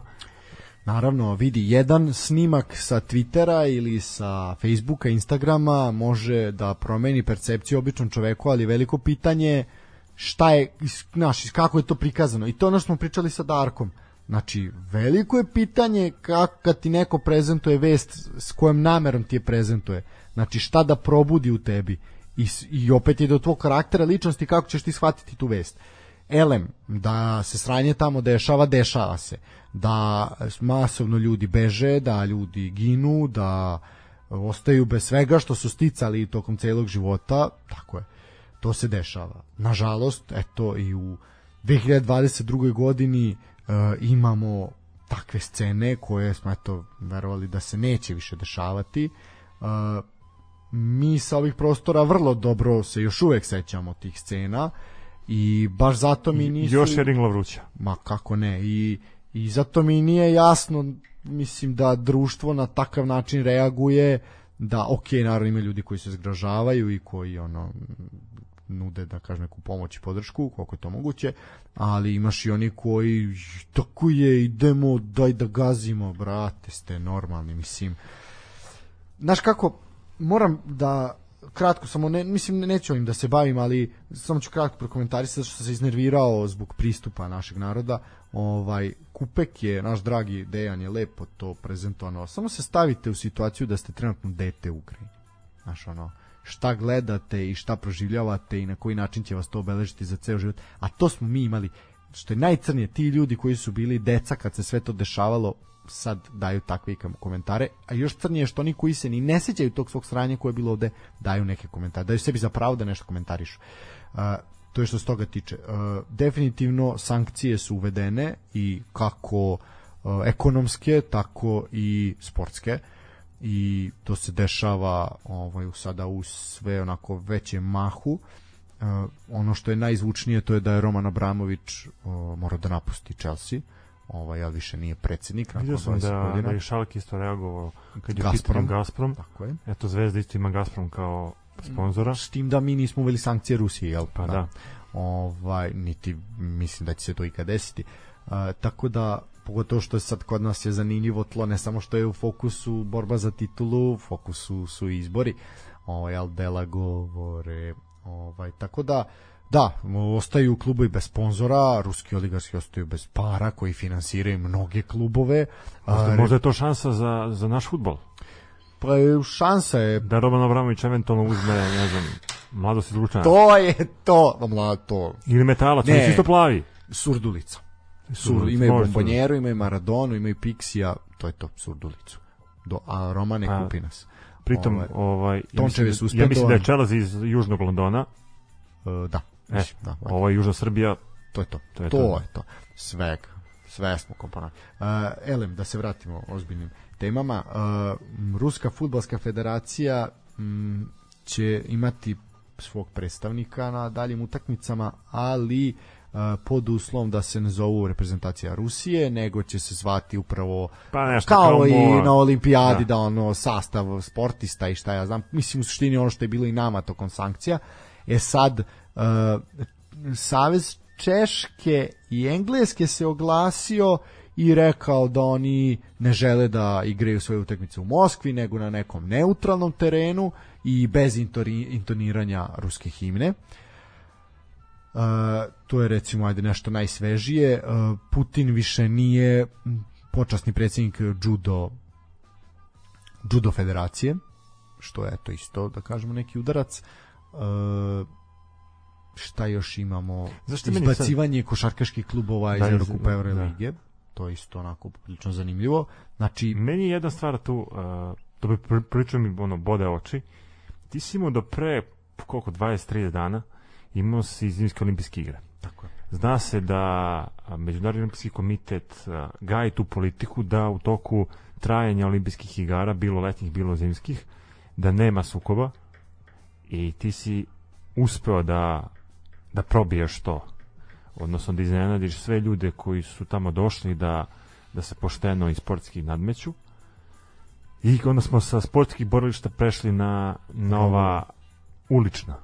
Da ah, sa ripstola na tank jebi ga uh, što se tiče ove Evrolige Eurokupa ovo nas dotiče poprilično uh, šta to znači za Zvezdu i za Partizan uh, Zvezda se sa 13. penje na 10. mesto. Bayern koji bi trebao da, bi, trebao da bude uh, osmi, ima dve pobede više, dakle i pored 6-7 poraza na gluposti na jednu loptu, Zvezda ima šanse za top 8, sada su se vra, otvorila vrata poprilično.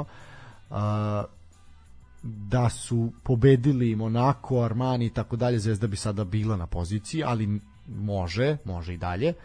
Uh, dalje, Partizan za rivala gubi lokomotivu, to je jasno. Uh, Unix ispada iz borbe za top 8. Uh, e sad, ukoliko se i nekim čudom i desi da Monako ne bude među osam najboljih finale, Evrokupa bi crno-bele dovelo do Evrolige sledeće sezone. Uh, e sad je veliko pitanje kako će izgledati uopšte Euroliga sledeće sezone, jer ako sve ostane ovako i ne bude predstavnika iz Rusije, sasvim je logično očekivati da jedan naš klub dobije licencu ili pozivnicu. E, danas je bila ta priča isto vezana za UEFA i izbacivanje Spartaka. Da.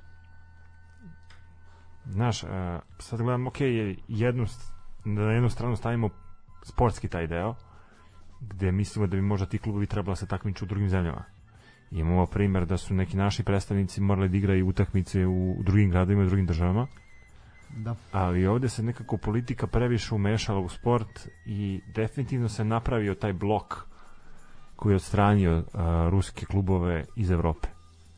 To vidimo eto na primjeru tog Spartaka, na primjeru CSKA, na primjeru raznih ono klubova što Zenita, što a, Lokomotive Unixa. A, I me to samo onako da dovodi u jedno o, ozbiljno razmatranje a, da li je sve moralo da bude politički uređeno. Znaš, ovo je kao neki revolt Evrope i kao mi revoltirani izbacujemo ruske klubove. Pritom u kom ekspresnom roku, razumiješ? Da, da. U roku od Znači, par dana. Dva, dana, dva, dva, tri dana se Da. sve to izdešavalo, pritom znaš da ti taj neki CSKA košarkaški klub a, predstavlja jedan ozbiljan brend i predstavlja jedno ozbiljno ime. Za Euroligu. Za Euroligu. Apsolutno, da. E, imaš te klubove, eto i taj Spartak iz Moskve koji je stvarno klub velike tradicije i klub koji ima određene renome i onda ti utičeš na, na srozavanje renomea tog kluba gde ti njega udaljavaš sa tog nekog sportskog stola i izbacuješ. Vidi sad ovako. Znači, uh, kao što se rekao posle ove Euroligine odluke, sad čitam vest, znači FIFA je suspendovala, ovo što sam rekao za reprezentaciju Rusije je bila vest od juče. Sada ovom vešću se dodalo i to da je reprezentacija suspendovana iz baraža za mundijal.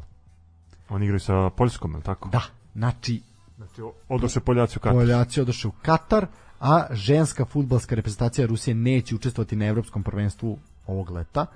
E, UEFA je izbacila Spartak iz osmine finala Lige Evrope, što znači da se Leipzig automatski plasira u četvrtfinale. Raskinuti su ugovori sa Gazpromom, što smo manje više i na Najavili. pomenuli, da, a evo i Međunarodni olimpijski komitet je poručio svim sportskim organizacijama da izbace Ruse i Beloruse. Uh, eto, u suštini, i da, još jedna stvar bitna je da uh, finale Lige šampiona se neće igrati u Sankt Petersburgu, nego će se igrati u Parizu. To je odluka koja je donešena. Sve u svemu, Ali pa za to su odluke što ti kažeš instant. jako, jako, jako, jako ovaj po meni, po meni o, čekaj, ti pozivaš cela Evropa, ceo svet poziva na smirivanje strasti, na smirivanje tenzija, A ti doliraš ulje na vatru. ti dolivaš, ovim se doliva ulje na vatru. Za vreme bombardovanja naši timovi su, tačnije i svega toga, igrali su na polju. Znači, ono, igrali su po Austriji i tako dalje. Po meni, mislim, gde gde se- gde se još igralo? Igralo se u Rumuniji. Gde se, ne, to, mislim, dol, tu se negde u blizini se igralo. Ovaj, sve u svemu, ovaj, ti ovime, da, dolivaš ulje na, vrat, na vatru. S tim da je uh, Ruska liga počela za vikend, na primjer. Znači, oni su svoje takmičenje ovaj nastavili Najnormalnije, da. najnormalnije, da, mislim, oni su igrali ovaj bez, bez problema. Tako da, po meni, mislim da odluka nije dobra ni za koga, ali šta, mislim, jednostavno ne, to su odluke krovnih organizacija, ali sve u svemu da je dobro, nije dobro, ali Mislim, nije dobro ni na političkom planu, a, nije a, dobro ni na, kako, ni na a ljudskom. kamoli na, na, na, na sportskom. A na ljudskom i pogotovo. Da, da. znači, to je ono što je na kraju, kad se podvuče crta, ipak je taj neki ljudski život najvrednija stvar, iako se nažalost ne vrednuje toliko. Ili možda najjeftinija. Ili možda najjeftinija, da. Uh, nažalost, da, ovo su, mislim, ovim stvarima, nažalost će se pričati i ja bih jako voleo da, kao što smo na, ono pričali o toj Superligi i o tako nekim stvarima, mislim na ovoj Evropskoj Superligi, onda se preko noći desilo da to sve stane, a ja bih isto tako sada voleo da ovo stane i da eto imamo konačno smo ono te mere oko pandemije se smiruju konačno smo treba da se vratimo u neku normalu i onda krene krene ovako nešto a, ono što je svakako bilo evidentno to je da su se tokom nedelje sa svih sportskih borilišta uglavnom da videli smo poruke koje poruke mira i da, poruke, poruke mira i podrške. podrške Ukrajini da i narod Ukrajine i pozive na smirivanje tenzija što je meni sasvim korektno i jednostavno za svaku pohvalu i mislim da je to pre svega pre svega ljudski a onda onda i fair i sportski tako da u suštini tu, tužne stvari i negde naš ja sam i razmišljao kao jebote mi sad tu treba da pričamo o nekom derbiju o nečemu a ono 1000 km od nas, ono ljudi gube živote, ljudi ostaju bez svega što su ostali. Mislim mnogo naših ljudi i ne samo iz naše države, nego iz uopšte iz regiona, pa koliko fudbalera, naših košarkaša, sportisti Ukrini koji ono beže glavom bez obzira. Uglavnom su svi prebačeni na sigurno, mislim čak da i ovaj košarkaš o kom se pričalo, naš sugrađan, ovaj da je da se dočepo i on neke bezbedne bezbedne lokacije. Ovaj tako da šta da kažemo, osim ajte ljudi urazumite se i ajde da se bavimo nekim lepšim, lepšim stvarima. All we have said is give peace a chance. Apsolutno. E sad kad smo kod nekih lepših stvari sa ovom lepšom stvari bih ja onako malo pokušao da popravim ovaj neki celokupni gorak utisak koja ova tema na žalost koja je sada top tema svuda i sa brojki i respiratora kriva zakrivljenja smo došli na tenkove, na granatiranja i bombardovanja što nije dobro ali nešto, nešto lepo se ipak desilo, a to je humanitarni meč između Miljakovca i Poljskog Fajranta koji smo mi a, najavili, e, koji se odigra u subotu. A, humanitarni meč koji su organizovali uh, pre svega ljudi iz Miljakovca, ali i ljudi iz Poljske koji su autobusom krenuli iz Poljske. A joj, njima, njima stvarno treba da, da podati priznanje. Putovali su gotovo ceo dan iz Poljske. Uh, u ekipi Fajranta se trenutno nalazi svakako legenda ovaj naše lige, a to je Miroslav Radović. I legenda Legije iz Varšave. I legenda Legije iz Varšave svakako. Uh, dok je jedno zanimljivo pojačanje, no zanimljivo, na bomba u Ne, oni su morali da pariraju nekako. Moralo, pa moralo se uzvratiti, a uzvratilo se... Upravo ste iste generacije. A vidi, da, da, da, što bi rekli ovako, citirat ćemo, pije vinjak, čivas i Martini Bjanko, iz futbalske penzije se vratio Lazović Danko i odmah na na svom debiju na svom debiju za, za momke pokraj Miljakovačke šume je postigao eto jedan zaista lep pogodak, a zanimljivo je da je Radović asistirao za oba pogodka Poljaka, bilo je 3-2 na kraju, pred onako dobro popunjenim tribinama, ovaj, tačnije tribinom o, sportskog centra Rakovica, a, gde je eto i Radovan Radaković po tako jednom lošem, lošem vremenskim uslovima, zaista bilo je poprično hladno i neka kiša onako ovaj, rominjala. Eto, Radovan Radaković je smogao snage uprkos bolesti da zajedno sa igračima izađe na teren i onako u jednom poprično lošem stanju, baš jako loše fizički izgleda, ovaj onako zaista su momci poslali jednu jednu poruku uh, o tome šta je najbitnije, najbitnije ovaj u ovom svetu danas, a to je solidarnost i humanost. Uh, reći ćemo i pohvalit ćemo ih da su skupili 120.000 dinara od ove utakmice za lečenje Radovana Radakovića što znači, je negde fantastično 1000 evra što je za jedan klub koji se takmiči u zoni beogradskoj u najnižem rangu takmičenja zaista pohvalno. I pre ove utakmice su imali jednu akciju za jednog lokalnog dečaka takođe. I to je ona priča Miljakovca koja zapravo i stiže na naslovne strane novina i portala zato što pravo ovim ovako velikim velikim gestovima pokazuju da ima nešto dobro na ovom svetu i može neko, neko tračak neke nade za nekim boljim vremenima da se pojavi. Svakako, eto, mi Radovanu Radokoviću želimo da istraje u toj borbi, a takođe želimo da čestitamo i futbolskom klubu Miljakovac na odlično organizovanoj utakmici i na prikupljenim sredstvima. Ti si Stanislav eto napomenuo da zdravlje je najbitnije, ta solidarnost, čini se da smo došli u, u vreme kada ne postoji ta ljudska empatija, ali jednostavno nešto mora da nas trgne iz te neke humane letargije i da moramo da se vratimo na, na pravu stazu i da počnemo da verujemo jedni drugima i da počnemo da osjećamo probleme jednih drugih. Eto, mi se osjećamo i sa uh, Radovanom Radakovićem i sa uh, ljudima koji se trenutno nalaze ugroženi na ratištu i želimo da im pružimo podršku jer mislimo da je to pored promocije sporta jedna od velikih stvari koje ova misija može da uradi. Uh, takođe, eto, pošto se približimo kraju, hteo bi da osim te solidarnosti ka, ka ovim ljudima, ja pozovem sve ljude koji imaju vremena i koji su naši sugrađani da eto dođu u četvrtak od 13 časova na na stadion Novo naselje i da podrže ekipu mladosti a i takođe da vide šta se to radilo sve na infrastrukturnom planu za ovih skoro godinu dana. To bi bilo to za ovo večerašnje uključenje. Vama hvala na izdvojenom vremenu. Opet smo probili tih nekih dva sata, ali to nam je već ono postalo neka standardna rutina. Sledeće naše uključenje i sledeće naše slušanje biće na dan žena 8. marta, pa se do tada slušamo. Ja još jednom hvala na izdvojenom vremenu, do skorašnjeg slušanja, sportski pozdrav.